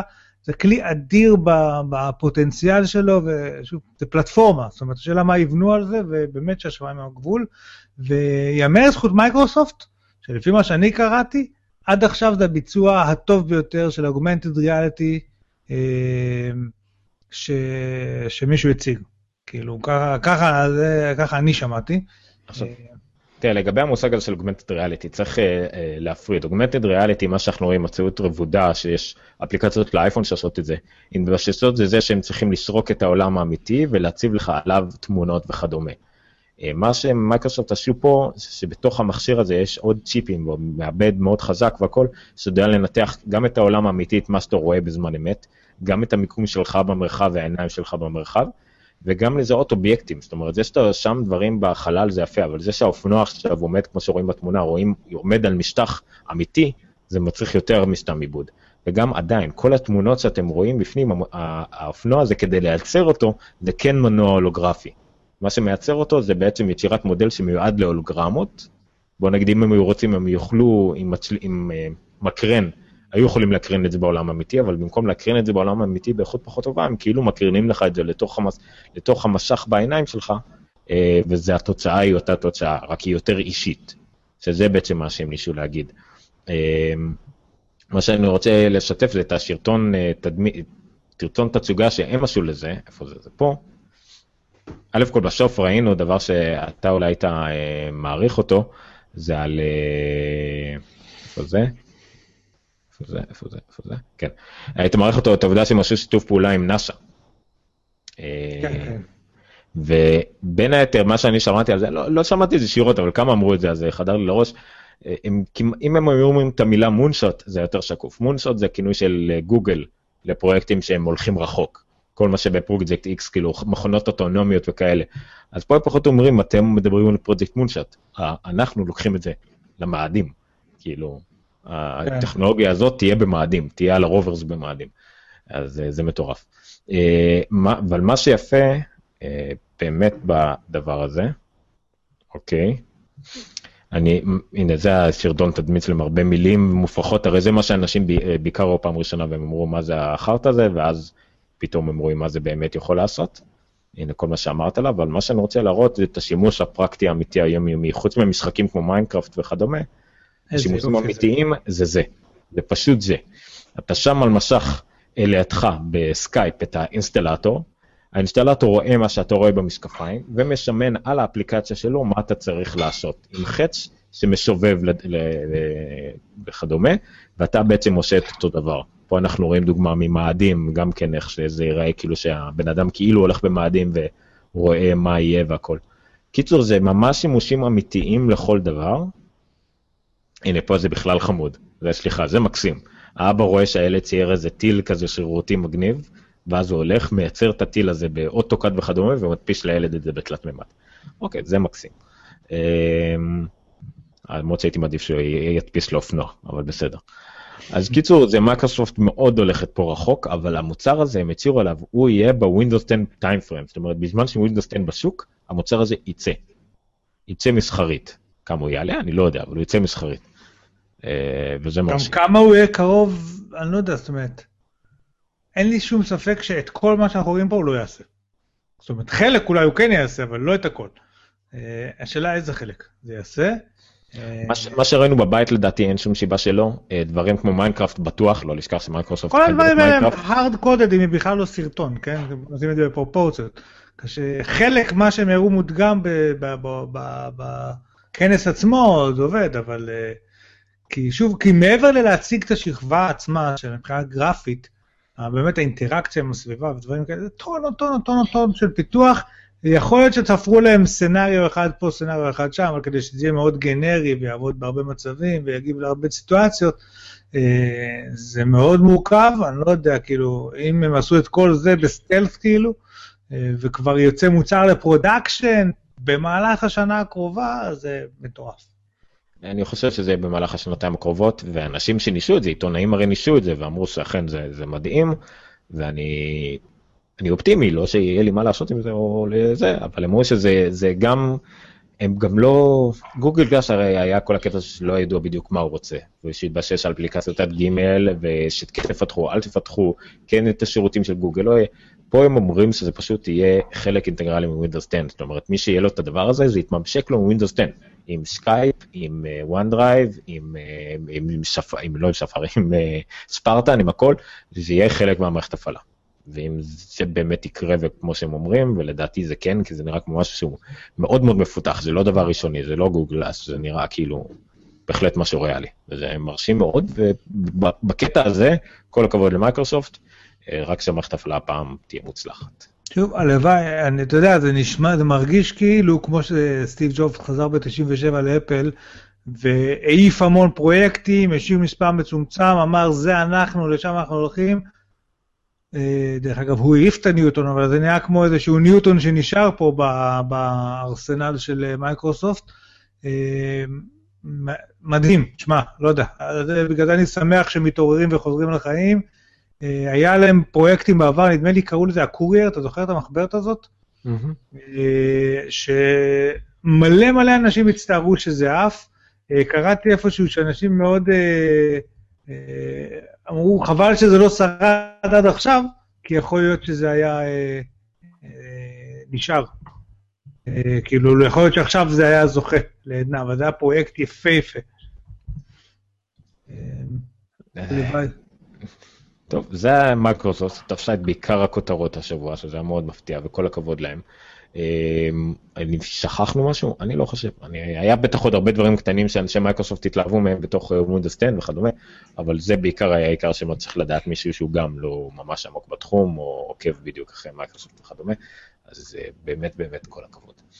אמ, זה כיף דרך אגב, זה כיף שיש אה, עוד אירוע במהלך השנה שאנחנו מחכים לו עכשיו, כאילו, וזה חזרה לשאלה ששאלנו בהתחלה, האם מייקרוסופט uh, are about to be cool, או אני לא יודע אם הם שאלו את זה קודם, uh, אז כן, כאילו, זה אשכרה משהו ש... אנשים כבר לא, אתה יודע, עד עכשיו ההכרזה של מייקרוסופט הייתה הדבר הכי משעמם ואף אחד לא ציפה לשום דבר ולא סיקרו אותם כל כך, אני חושב שבשנה הבאה כשמייקרוסופט יהיה להם keynote, או כזה הכרזה, אני חושב שיהיה סיקור מאוד נרחב. לא נראה כיסאות ריקים כמו שהראית לנו קודם. לא ריקים, מלאים בתפוחים. אני לא חושב שהם היו ריקים, הם לא... כל מי שהם הזמינו הגיע. פשוט הם הלכו על קטע רחב, הם לא הלכו על סטדיום. כן. כן. אוקיי, אז אלה היו מייקרוסופט, תכירו, חברה חדשה, צעירה ובועטת. אה, ונגיע לנושא שלכבו התכנסנו, אה, טוב, לכבודו עידן התכנס עם עצמו, והחליט אה, להיכנס לשידור. למה עם עצמו? יש עוד כמה אנשים. אה, מה? מי? מה? לא, לא לבד, יש פה עוד כמה אנשים. סבבה. אבל הם כבר ישנים, אז אתה לבד עכשיו. כן, שיש להם עבודה מחר.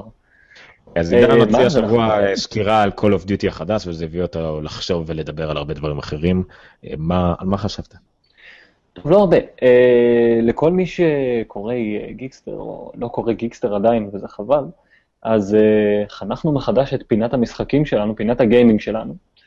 אה, אנחנו הולכים לקבל המון המון משחקים בקרוב, וככל שיצאו יותר משחקים אנחנו נקבל אותם בלייב, אנחנו נזכור אותם ונביא אותם אליכם כמה שיותר מהר.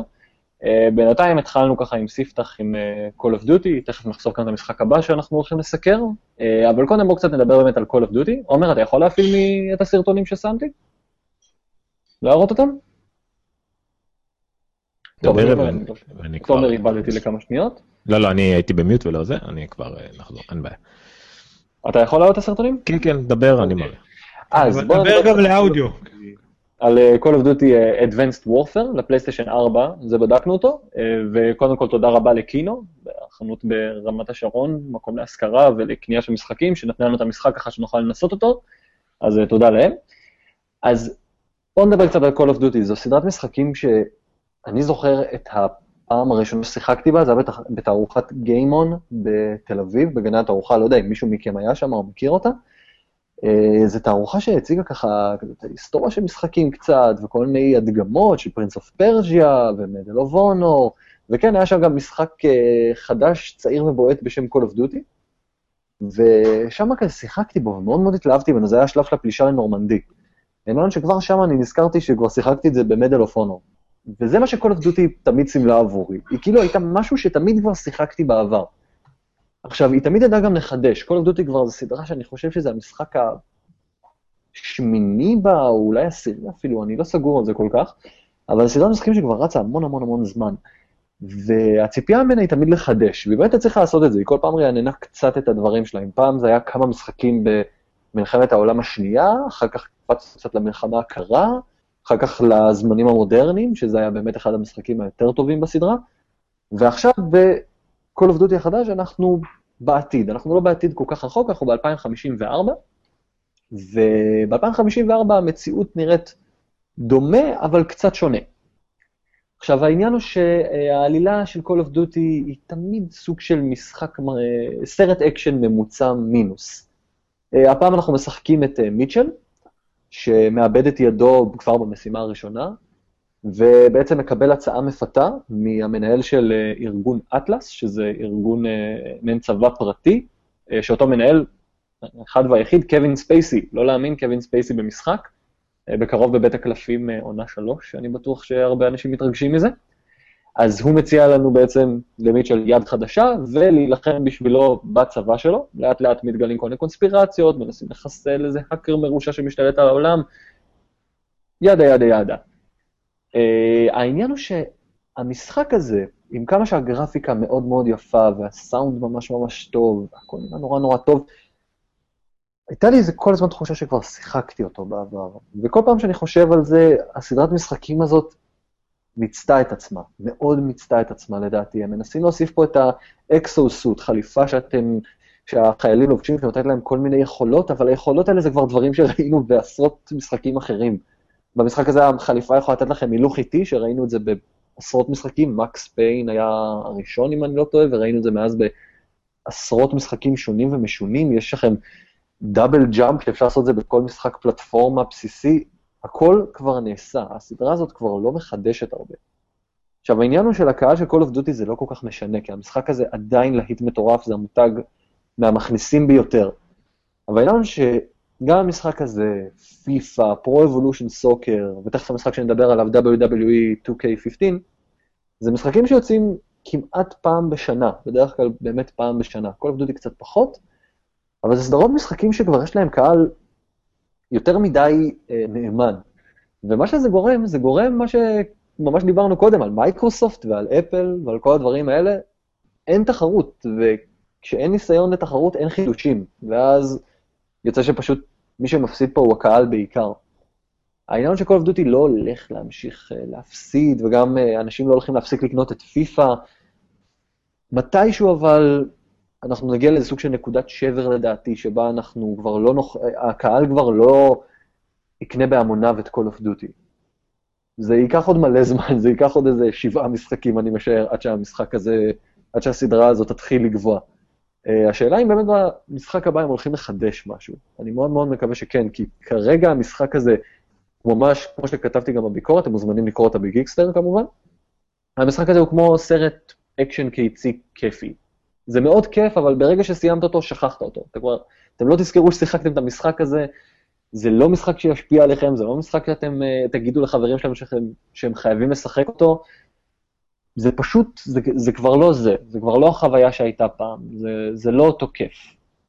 Uh, נעבור אבל גם למשחק השני שרציתי לדבר עליו היום, שזה WWE 2K15. אז גם השנה יש לנו משחק חדש uh, בסדרת המשחקים המאוד מצליחה של WWE, אבל השנה, בפעם הראשונה, זה תחת uh, גלגלי הפיתוח של uh, 2K. שנה שעברה 2K קנתה את המותג, והשנה סוף סוף אנחנו רואים את הפירות של זה. והפעם, פעם ראשונה, שמשחקי WWE הגיעו גם לקונסולות הדור הבא, זה אומר גרפיקה משופרת, זה אומר אה, אנימציה חלקה יותר, הרבה יותר תכנים, הרבה יותר אה, דברים שאמורים כלומר להשפיע על זה. שאלה אם גם כאן זה מספיק. אז ב-WWE 2K15 אני חייב להגיד בתור מישהו שמשחק כבר מ-2006 במשחקים, במשחק הזה אני חייב להגיד שהמון השתנה. לא מספיק, אבל המון המון המון השתנה. אתם יכולים לראות גם ב... אה, בסרטון שעכשיו אנחנו רואים, המודלים נראים פשוט, פשוט, פשוט מדהים. חלק מהתנועות נראות נורא נורא נורא טוב, לפעמים זה מרגיש כאילו אני די צופה בקרב כלשהו, לפעמים התנועות ממש מתאימות לרסלר שהקליט את ה... אה, עשה את המושן קפצ'ר למשחק. זה מאוד מאוד מרשים. הם הוסיפו גם uh, שלב משחק חדש, אני לא יודע אם... עומר, אתה עדיין משחק ב-NBA 2K? טוב, עומר במיוט. אז עומר מאוד אוהב, אוהב NBA 2K, אבל אני לא יודע אם הוא עדיין משחק בזה. אז השנה הם הציגו סוף סוף את uh, My Career Mode, שזה מצב שמאפשר לכם להתחיל עם ה wrestler שאתם יצרתם, להתחיל איתו ב-NXT, אפילו ב Performance Center שהם פתחו השנה, מעין במקום שבו הרסלרים החדשים מתאמנים על היכולות שלהם, אתם עוברים ל-NXT, שזה תוכנית הפיתוח שלהם, משם לכל התוכניות נישה שלהם, Main Event וכל הדברים האלה, עד שתגיעו בסוף ככל הנראה לנצח את אנדרטייקר ברסלמניה, כי מסתבר שעכשיו כל אחד יכול לנצח את אנדרטייקר. לא יודע, עומר, אם זה מהתקופה שלך, אם אתה היית רואה את, את אנדרטייקר, אבל... כן. אנדרטייקר כולם ראו, הוא בערך, אם אני לא טועה, הוא בן 63 עכשיו. כן, אז השנה, אני לא יודע אם אתה יודע, אבל הוא סיים את הרצף ניצחונות שלו ברסלמניה. הוא הפסיד השנה הפסד אה, צורם לברוק לסנר, אגב, הוא נפצע בצורה די מזעזעת במהלך הקרב, קיבל זעזוע מוח די, די לא טוב שם, פונה מיד לבית חולים והכל, אז השנה כל אחד יכול לנצח את, אה, את אנדרטייקר, אה, וכנראה שגם הר, הרסלר המסכן שלכם שיצרתם בשקל 90, אגב, הרסלר שאני יצרתי קוראים לו ג'ו ג'יצו, הוא לוחם יהודי עם טלית, אה, אז תצפו לראות אותו מתערב לכם בקרבות אם, תעש, אם תוסיפו אותי לרשימת חברים שלכם בפלייסטיישן 4. Uh, העניין הוא שבאמת הם הוסיפו דברים מגניבים. המצב מיי קרייר מוד הזה הוא די נחמד, הוא עדיין מאוד מאוד מאוד מאוד בסיסי. אגב, פה אנחנו יכולים לראות את מה שככל הנראה הולך להיות ה main event השנה אה, ב wrestling האמיתי. אה, ומה שקורה זה שבעצם גם הוסיפו כל מיני אפשרויות קטנות, הם שילבו את המצב, אה, את המצב קריירה הרגיל עם מצב rivalry מגניב, שאגב, סי.אם פאנק, שאני בטוח שחלק פה שמעו את השם שלו, שעזב את, ה, את החברה, עכשיו איכשהו, בכל זאת הכניסו אותו למשחק במצב מאוד מאוד מאוד מתקדם, והוא uh, מככב במשחק בצורה מטורפת, אבל גם כאן יש את התחושה הזאת שהמותג צריך החייאה מחדש, המותג צריך משהו חדש. המעבר הזה לנקסט ג'ן, זה לא מספיק, זה לא מספיק כדי להגיד ששווה לקנות את המשחק שנה אחרי שנה, זה לא מספיק כדי לגרום לי לרצות אה, ממש להתלהב ממנו, מאוד רציתי להתלהב מהמשחק הזה, כמו שמאוד רציתי להתלהב מ-call of duty. ראיתי קווין ספייסי, ראיתי גרפיקה מטורפת, אבל זה עדיין לא מספיק, זה עדיין לא זה. גם ב-call of duty וגם ב-WWE ובפיפ"א ו-Pro Evolution Soccer, משחקים שיוצאים שנה אחרי שנה אחרי שנה אחרי שנה, אלה משחקים שצריכים מעין rethinking, כלומר צריך לבנות להם מנוע חדש, צריך קצת לאתגר את השחקנים שמשחקים בהם שנים, אני בטוח שמי ששיחק ב-WWE בעבר, לא יהיה מופתע פה מהמון המון המון דברים. זה משחק מאוד כיפי, מאוד ממכר, אבל הוא כבר לא מרגש את מי שמשחק בו. יכול להיות שהאשמה היא בעצם בנו הגיימרים שכבר, אנחנו מצפים כל פעם שילהיבו אותנו, כמו שאנחנו מצפים בקולנוע שכל פעם יעיפו אותנו מהכיסאות, וזה פשוט לא קורה בצורה דרמטית כזאת. עכשיו, אני לא יודע להגיד שוב אם גם פה יהיה שינוי מהותי, אני לא מאמין שעוד הרבה ישתנה, כי סוס מנצח לא מחליפים. אז אני מאוד מאוד מקווה אבל שבשנים הקרובות אנחנו נראה את החברות מתחילות יותר ויותר להשקיע בלשנות קצת את המוצר שלהם, לא רק להתאים אותו לדור החדש מבחינת גרפיקה, אלא גם לשנות את ה, קצת את המהות שלו, שיהיה קצת יותר מרענן לגיימרים שכבר שיחקו בעבר. אה, זה לפחות הכמה סנט שלי על גיימינג השבוע. עומר, אתה רוצה קצת לדבר על סלקום TV? קצת החוויה שלי, החוויה שלך?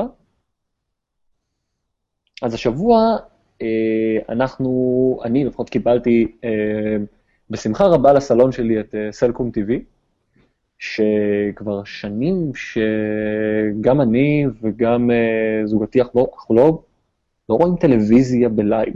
לא יודע, עומר, אתם רואים טלוויזיה ב live? אה, אשתי רואה המון, כל התוכניות בוקר, ו... וזהו, רק חדשות ותוכניות בוקר כאלה אקטואליה, לא שום דבר שגרתי כזה. טוב, מה עשיתם, מה עשיתם אז עכשיו? אני לא מדבר על זה. אין שום בעיה. תשמע, הרבה תוכניות בוקר הן זמינות באתרים של רשת, קשת וכל אלה. כן, הכל בסדר, חוקי. הכל כן, חוקי, כן, זה מה שעשינו. אף אחד לא מוריד, אין כזה דבר. מה זה יוטורנט? אני לא יודע. אמ, אז אני, אני לא צפיתי בטלוויזיה, מה שאנחנו קוראים בלימודים ליניארית כבר באמת כמה שנים טובות. רק כשאני אצל ההורים שלי מדי פעם אני ככה מזפזפ ב-yes, אבל לא יוצא לי כבר לצפות ב live. אז ככה זה נורא מוזר לי פתאום שיש לי מכשיר אה, שמשדר לי טלוויזיה live בבית, זה נורא נורא מוזר לי להדליק ולראות ערוץ 10. live זה אבל מילה מאוד גדולה בנוגע לשלגו טבעי. זה נכון, זה נכון. סלקום טבעי זה, זה, אני, למקרה שאנשים לא מכירים, אז סלקום TV זה המיזם החדש של סלקום שאמור לשנות את כל כללי המשחק. סלקום בעצם נכנסה בשבועות האחרונים לתחום הטלוויזיה, אה, והשיקה את העוף המוזר הזה אה, בעולם הטלוויזיה שלנו, שסלקום TV היא מאוד מאוד פשוטה. ב-yes ובהוט אתם צריכים לבחור כל פעם חבילות, בין אם זה החבילה הצרה והחבילה המורחבת וערוצי סרטים וסדרות, וכל הדברים האלה יוצרים בלאגן, ובסופו של דבר יוצרים חשבון מנופח מאוד של כמה מאות שקלים בחודש. אה, וסלקו מציגה, אגב, אה, טבלאות על גבי טבלאות של אה, נתוני צריכה של צופים, שאומרת שבעצם רוב ענק מהצרכנים של יס והוט לא משתמשים בכמעט 80% מהערוצים שמוצעים להם על ידי שתי החברות, שזה נתון מטורף. זה אומר שבעצם אתם משלמים על כלום, ואני חייב להסכים שזה באמת נכון. ואגב, מחירי, ה, מחירי התוכן בארץ הם באמת אה, קצת מוגזמים מהבחינה הזאת, לדעתי לפחות. אה, ומה שסקום זה מביאה זה איזה נוף חדש כזה. הם מציעים בעצם מודל שבו אתם משלמים 99 שקלים בחודש, ואתם מקבלים בעצם את כל מה שיש להם להציע, חוץ מאירוטיקה. לא יודע, עומר, אם אתה יודע את זה. אז יש על זה מנעול, אז... אה, כן, תסיר את המנעול, 24 שקלים, ויש לך אירוטיקה חופשית, שזה וואו, זה מדהים, זה מטורף. אירוטיקה. אירוטיקה, בדיוק, בדיוק, ערוץ האירוטיקה, שזה דבר שגם לא ראינו כבר uh, שנים בנוף הישראלי, למרות שהם קבורים איפשהו ב-yes ובהוט. אז סלקום TV בעצם מציעה מודל של חבילה צרה מאוד מאוד מאוד. מה שהיא מציעה זה בעצם את ערוצי עידן פלוס, שכולם בעצם יכולים לקלוט אותם ממשדר שהם קונים בקנייה חד פעמית. לא, הם לא. מה זאת אומרת? אני לא. אתה יכול. לא, אני לא. אתה לא כולם. נכון. עומר, בוא תספר לנו על החוויה המדהימה שלך. אם לי יש, אגב, אפשר לראות, אני חושב שאפשר לראות את זה פה בפריים. הנה, כן, הנה האנטנה הקטנה. זאת האנטנה, אגב, של, של סלקום TV, שקולטת עידן פלוס. אז אם אני הנחתי אותה כאן ואני מקבל 80 עד 100 אחוז, עומר הניח אותה מחוץ לחלון שלו וקיבל? אפס. אפס אחוז. כמה? לא, לא שמעתי. אפס אחוז, אלא אם כן, אה, יש פה בחנות, אה, בחלון, פונים לכיוון ההוא ומחזיקים את הדלת איפשהו, משהו כמו מטר וחצי מעל עדן החלון, מגיעים ל-40 אחוז. רגע, אבל זה באחוזים, כמה זה ביורו? אפס קליטה, לא, לא קולטים כלום. אמ, ומדי פעם ראינו איזה פריז פריים או משהו כזה, אבל הבחור שהתקין, אני, כיוון שעשיתי את המסלול של ה-199 שקלים, קיבלתי התקן החינם, אז התקין וניסה לחפש עם האנטנה השחורה הזאת, לא מצא כלום, ירד לאוטו והיא אנטנה לבנה, של פי שתיים עוצמה. אה, גם לא מצא כלום חוץ מאותה זווית מחוץ לחלון. הוא התקשר כמה פעמים למישהו שיעזור לו, עד שהמישהו הזה פשוט הגיע גם הוא. אה, והם ביחד, הוא הביא כבל אה, RF מהאוטו של 20 מטר, כדי להתחיל ולחפש בחדרי מדרגות. וואו. איפה יש. הם גילו קליטה בחדרי מדרגות, כי יש כבלים שרצו לגג לאנטנה של פעם. והכבלים האלה עדיין מעבירים עליהם מספיק תדר כדי לקלוט משהו, אבל זה לא ריאלי. הם ניסו להגיע לגג ואיפה הם ראו? הם ראו שחתכו את הכבלים שם. מתישהו כנראה יס התקינו צלחות, חתכו את האנטנות הישנות של פעם. לכאורה. בלאגן. אז רק שבוע יגיעו בין צוות מיוחד והתקינו לנו אנטנה על הגג, חיצונית אה, מוגברת, ואז היא תרוץ על הכבלים הישנים של הוט, ותגיע לי ישירות לקיר. כאילו, אז מצד אחד לא יהיה לי כבל אנטנה רץ בשום מקום, ולקליטה של 100%, ובזכותי גם שאר הבניין. אבל זה היה חתיכת, כאילו, מצחיק לראות שיש אפס קליטה בעידן פלוס. אני רואה את הערוצים, אני רואה את הלוח האנטנה הזאת לא תעלה לך כסף, נכון? האנטנה הזאת לא תעלה כסף. זה לא. נורא נורא חשוב. נכון. אני יכול להגיד שהגיע אליי הטכנאי, אה, גם בדקתי איתו, כלומר, את כל הדברים בשבילכם, שנוכל לדעת הכל, אה, קצת שהקוראים שלנו ידעו קצת יותר טוב.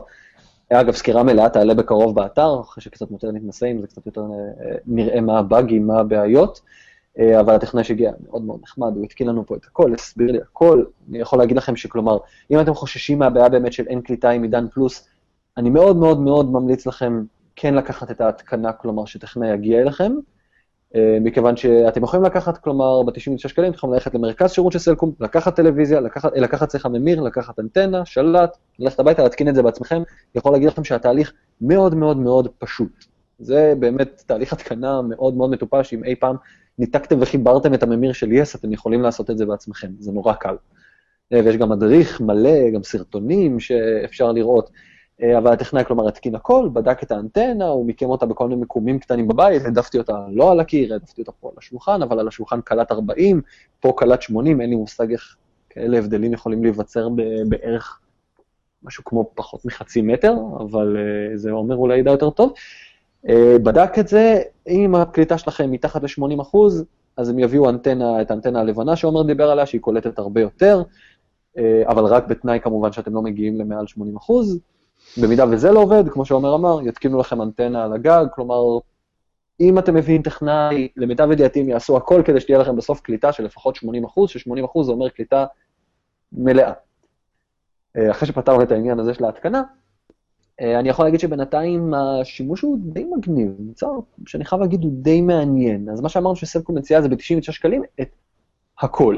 אם עומר לא קולט אפילו ערוץ עידן, עידן פלוס אחד, אז אני יכול להגיד שאני קולט את כל ערוצי עידן פלוס, זה ערוץ אחד, זה ערוץ 2, ערוץ 10, ערוץ הכנסת, חינוכית, אה, לא זוכר מה עוד יש האמת, זה ערוץ אחד אם אני לא טועה שמה.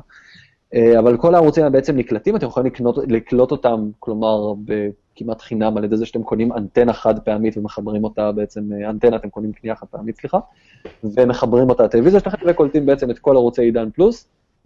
אה, אבל סלקום TV בעצם מציעה לכם גם מעבר לזה. סלקום TV מציעה לכם סוג של אפשרות לראות גם מעין תכנים שמאוד מאוד מזכירים את נטפליקס, כלומר צורת תוכן שמאוד מזכירה את נטפליקס. הממיר מתחבר לכם לווי-פיי או לרשת הביתית, ובעצם כל הערוצים שהם לא ערוצי עידן פלוס יושבים על התשתית של האינטרנט. אה, עכשיו, כל הערוצים האלה מאוד מאוד לא משנים, כי כל מה שמופיע בערוצים האלה קיים לכם ב-VOD. אין שום סיבה לצפות באמת בערוצי live שלהם, אין שום סיבה, אלא אם כן אתם באמת מכורים לצפייה ליניארית, אבל אני באמת לא רואה שום סיבה. כל החיים שם כן, אין לכם ברירה, כי זה תמיד ברקע. מה זאת אומרת? אני בחרתי לראות נגיד באיזה ערוץ סרטים ברצף, ואז זה כאילו תמיד מופיע ברקע לתפריט. סיימתי לראות משהו אחר, ביוטיוב או משהו כזה, חזרתי למסך הראשי, זה מגיע לי לאמצע שרט, ועושה לי ספוילרים מטורפים. לא אה, לי זה כל פעם קופץ להתחלה של בלתי הפיך. אוקיי, לי זה לאמצע סרטים או לסוף סוף סרט. לא כן, אני סוגר משהו, קופץ לי התחלה של בלתי הפיך, אני כבר זוכר בעל פה את ההתחלה של הפרק שהיא מביאה את הילדה שלה לצהרון או משהו, זה מטריף את השכל. זה החיים שלי. להביא את הילד לצהרון. כן. להביא, להחזיר וזה. אז, אז אני רואה את זה כל יום ועוד, ואין לי ילד, אז אתה מבין מה אני צריך לסבול? uh, סתם, זה ממש שטויות קטנות. Uh, אז יש להם המון המון uh, תכנים, אבל לא ברמה מספיקה. כלומר, אם אתם משווים את זה לנטפליקס, אז אה, שאגב, אתם שוב יכולים, כמו שעומר אמר, להשתמש במדריך שנמצא באתר של גיקסטר, ולהתחבר לנטפליקס בעצמכם ולראות בעצמכם. בנטפליקס יש לכם באמת כמות תוכן אינסופית כמעט. אני לא מכיר בן אדם שמשעמם לו באמת בנטפליקס. כלומר, אם תחפשו, אתם תמיד תמצאו מה לראות. אה, אני יכול להגיד שבסלקום יש את Transparent, שזה המקום היחידי שמשדר את זה בעצם בארץ, הסדרה של אמזון. מוצרט, אה, מוצרט בג'ונגל, יש לכם שובר שורות, יש לכם בית הקלפים, יש פה מישמש של המון המון דברים, גם המון המון תוכן ישראלי. אגב, הם מקרינים את שידורי המהפכה. יש מוצרט בג'ונגל? רציתי לוודא את זה. יש, יש מוצרט בג'ונגל, יש. סדרה מעולה. סדרה מעולה. לא עשינו הפסקה אחרי 40 דקות, איפה הוא היה? עדיין לא ראיתי אותה, אני מאוד מקווה לראות אותה בקרוב. יש אבל המון המון תוכן, יש להם אגב שירות שהם כאילו טוענים שהוא כמו הבינג' של יס, אז אם אתם התלהבתם עד כדי כך מהשירות של יס, אני יכול להגיד שהוא קיים גם בסלקום. אה, יש המון המון סרטים, זה המון תוכן, אבל יס מכוונת נורא בפרסומות שלה, שאגב עומר יכול לשים את הפרסומת עם אה, משיח, שזה אגב... אה, משיח לא שמתי, זה פרסומת מעולה, היא מכוונת כאילו לקהל צעיר יותר, לקהל בעצם ממש אלינו, לקהל שהתרגל אה, להוריד, למרות שאף אחד לא מוריד, והתרגל לזה שהוא צורך את הטלוויזיה שלו איפה שהוא רוצה ומתי שהוא רוצה, והוא לא צריך לא את יס, לא את הוט, ולא טובות של אף אחד בעצם בשביל לראות את הדברים שהוא באמת רוצה לראות. אה, והקהל הזה כבר התרגל בעצם לצרוך הכל, מה שבא לו, אם זה תכנים שמשודרים בארץ או לא, הוא יכול לצרוך הכל. אגב, זו פרסומת מעולה. לסלקום, אז אפשר להגיד שהם מכוונים לקהל באמת היותר צעיר, הם לא מכוונים לדעתי לקהל הבאמת מבוגר, והעניין שפה הם טיפ-טיפה מפספסים מבחינת ההיצע שהם נותנים. כלומר, הם לא נותנים עד כדי כך המון תכנים, אבל זה כמובן, השירות עוד רק בחיתוליו, אני מאמין שככל שיעבור הזמן הם יוסיפו עוד תכנים, אני יודע שהם כבר חתמו על uh, Better Call Saul, הסדרת המשך, או הפריקוול בעצם של Breaking Bad. הסופרבול בשידור חי. סופרבול בשידור חי, למרות שאגב ישדרו אותו באפליקציה כן, כן. של NBC, ABC, אני לא יודע מי משדר את זה. לא משנה, גם בערוץ ספורטי, אז NBC מוכרים את זה לכל חור, הם מרוויחים הכל על פרסומות, אז זה לא באמת משנה. אבל זה מגניב. אני חייב להגיד, זה באמת, יש פה משהו קצת שמתחיל שינוי, יש להם את האפליקציה לאייפד, שגם עומר יגיד לכם שהיא עובדת אה, סבבה לגמרי, יש בה די הרבה, כמעט את כל התוכן, אם אני לא טועה אפילו את כל התוכן של ה-VOD שלהם, עדיין אין את ההתממשקות שאני חשבתי שיש, אגב. אה, עומר, אתה שם משיח? טוב, בוא נראה. כן, אני... איזה קטע ענק. אה, אז אה, אם בעצם האפליקציה, אני הייתי ממש שמח אם היא הייתה יכולה בעצם, אם הייתי יכול לעשות סטרימינג להקלטות שלי, זה היה יכול להיות דבר נפלא, אבל אני משער ששוב, פיצ'רים כאלה יגיעו בעתיד, אני גם יודע שהם מאוד מאוד מאוד מקשיבים ללקוחות שכותבים להם, אז אם אתם משתמשים בשירות, תכתבו להם דברים שמציקים לכם. יכול להגיד שהתוכן ל, לילדים, או לילדים שבנו, שזה סרטים מצוירים וסרטי אנימציה בתלת מימד וכל הדברים האלה, כמעט הכל מדובב. עכשיו, זה בעיה שיש ב-yes ובהוט. עומר, אני לא יודע אם זה מטריף אותך כמו שזה מטריף אותי, אבל... אני חושב אבל של-yes היה הרבה יותר במקרים שיכולת לבחור איזה דיבור. זהו, שאתה לא יכול לבחור, גם ב-yes, אלוהים אדירים. יש להם לחצן שאפשר לבחור את השפת פסקול, אפשר לבחור רוסית כל הזמן ואפשר לבחור אנגלית או עברית כל הזמן, אבל אתה לא יכול לבחור בין אנגלית לעברית. אני לא מבין למה צריך את ה... ב-yes את השבת מדובבים הזה, כשאתה יכול להקרין למי שרוצה מה שהוא רוצה כל הזמן. א' כל בין היתר, זה, אני יכול להגיד לך, זה הרבה עניין של זכויות יוצרים. אה, כל התכנים של דיסני וניקולודיון וכאלה וכדומה, זה חוזה אחר לגמרי לקנות את המדובב או לא לקנות את המדובב. המדובב מגיע מדיסני ישראל, הלא מדובב לא, וזה חלק מהעניין. השאלה אם אתה לא יכול לקנות כבר את הפסקול ולהקרין רק את הפסקול, כלומר את הסרט כבר קנית, תקרין את הסרט כמו שהוא, את הכתוביות תן לי את האפשרות לשים אותם אם אני רוצה, את הדיבוב, למישהו אגב יש תשובה ממש מדויקת על זה, אני אשמח לדעת למה. אני יכול לבחור, אני יכול לשאול לחברים בדיסני. שאל, למה לא, אולי נדווח פעם, שבוע הבא למה למדנו, אבל זה מטריף אותי שאני צריך לבחור אם אני רוצה להיות משפחת סופר על מדובב, או לא בעצם, או שאין. אגב כל את משפחת סופר על מדובב יכלת לקבל בחינם, אה, גם אחרים מכל המפלאים של דיסני אנוור, אבל לא משנה. אה, כבר יש, אל תדאג. אבל אני לא רוצה בדיבוב לעברית או בדיבוב לאנגלית, אני רוצה שיהיה את האפשרות גם וגם. אם סלקום מבטיחים שעכשיו הטלוויזיה אחרת, אז זה גם נקודה שהם יכולים לתת בה קצת משהו קטן אחר שעוד אף חברה אחרת לא עשתה, זה דבר קטן, אז אם סלקום מקשיבים, תעשו את זה.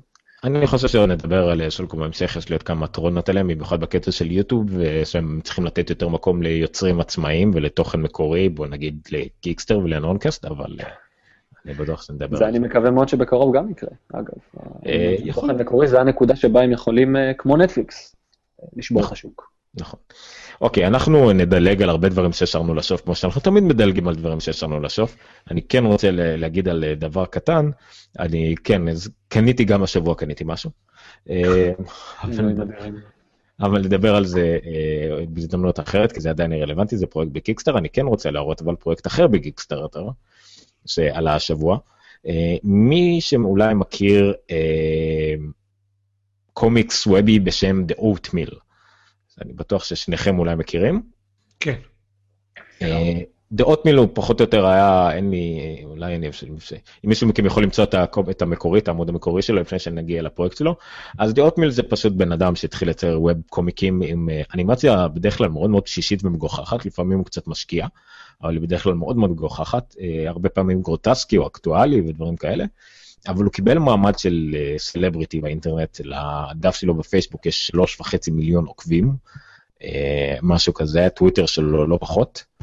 אה, בואו נראה, נשתף משך. אוקיי, הנה ניר, אוקיי, זה דה אוטמיל. אבל הוא הגיע למצב שהוא הגיע למצב שסלב כולל יש את טסלה, נותנים לו רכב לשבוע שהוא יעשה עליו סקירה. סקירה מלווה בהמון ציורים וכדומה, הוא גם מאוד מאוד חובב. אוטו של גוגל?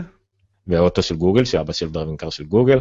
Uh, בקיצור, והוא מדי פעם יש לו כל מיני קמפיינים כאלה של, uh, uh, של חולצות ומרצ'נדייז, הוא פשוט, גם זה מפורשם מהראשונים שפשוט נהיה עצמאי לחלוטין רק מזה, והוא מעסיק את הקרובי משפחה שלו, זה החברה שלו, ובאמת נהיה עצמאי, אם לא די עשיר מכל העסק הזה.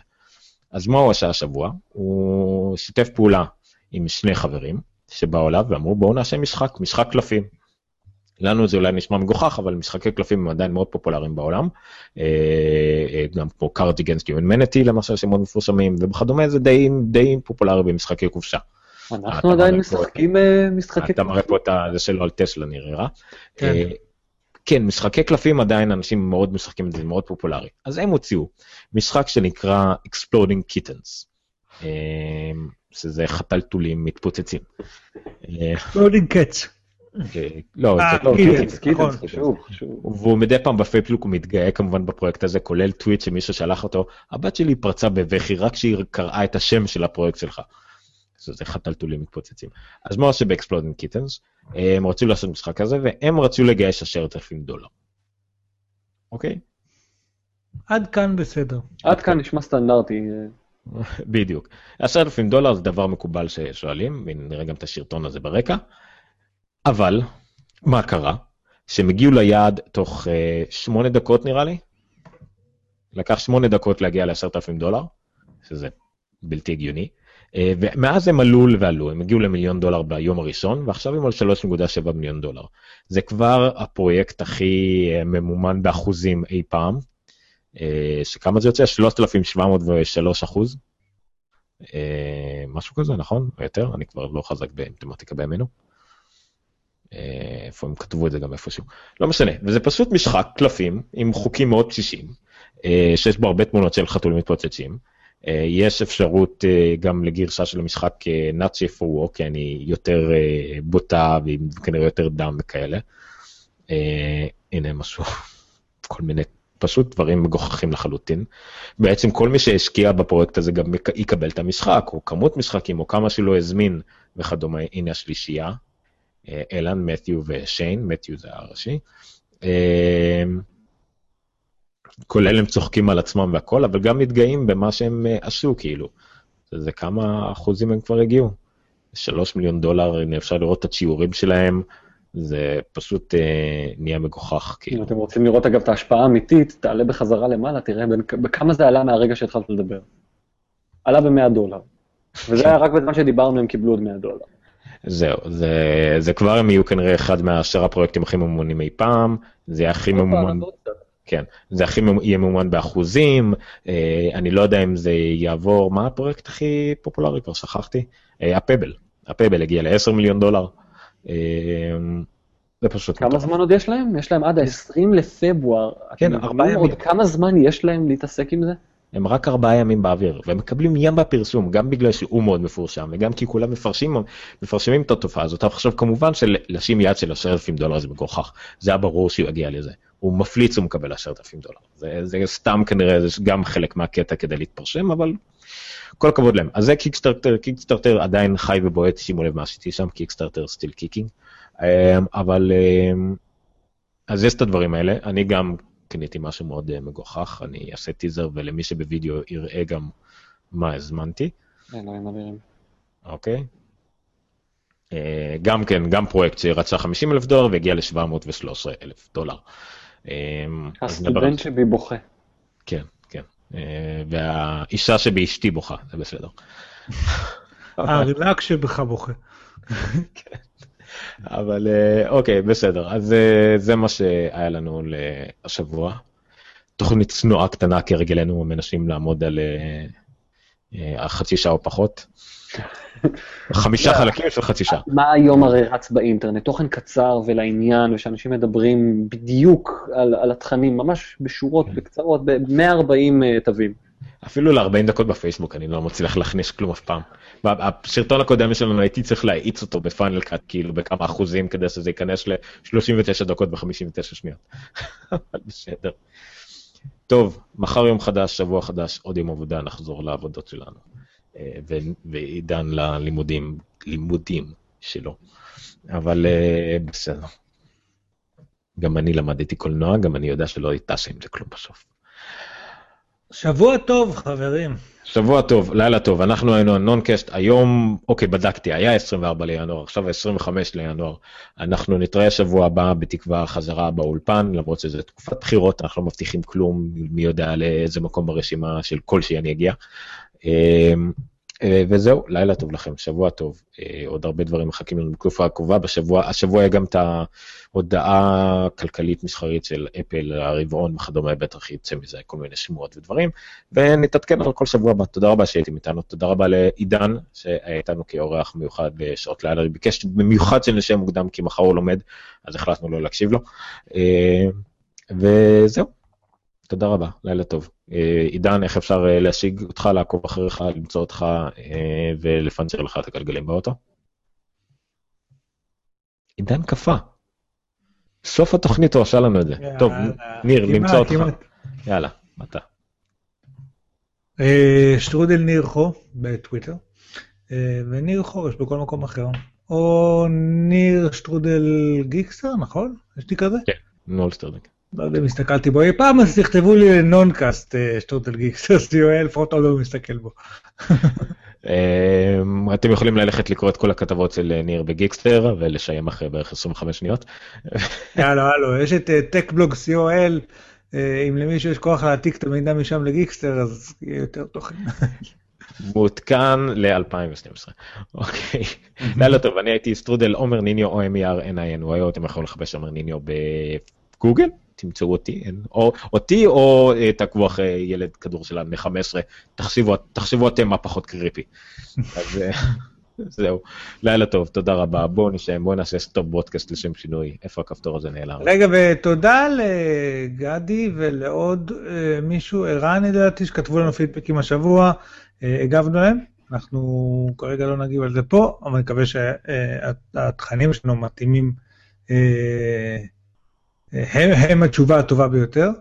אה, וזהו, אני מקווה ש... אה, תמשיכו לכתוב לנו, אנחנו שמחים לשמוע, זה... אנחנו מקווים להשתפר עוד ועוד ועוד ועוד. על מה דיברנו? אה, רצינו שתגיד איפה אפשר למצוא אותך, בעיקר. איפה אפשר למצוא אותי? כשהאינטרנט לא נופל, של בזק, אפשר למצוא אותי או בטוויטר, את עידן בן טובים. אה, לא, זה כבר לא מופיע, איזה קטע. אה, או שאפשר למצוא אותי בפייסבוק, גם עידן בן טובים, באתר של גיקסטר, תבואו לקרוא את הכתבות, פינת הגיימינג, אשמח אם תגיבו, תכתבו מה אתם אוהבים, לא אוהבים. זהו. אוקיי, אז זהו, סיימנו. עוד איזה טראומה קטנה. זהו, לילה טוב, נתראה שבוע הבא. זה היה הנונקאסט, וזהו. stop broadcast. לא, זה leave call, זה כבר לא stop broadcast, איפה stop broadcast? שם. לא. אה, זה היה פה, אבל פה יש לי עכשיו take photo. טוב, אם אתם אחרי זה יכולים לעשות לי פה, כן, לא בטוח שזה יתנתק, אני לא יודע מה גוגל דחפו לי פה. לילה טוב. לילה טוב. didn't say that. ביי. לילה טוב.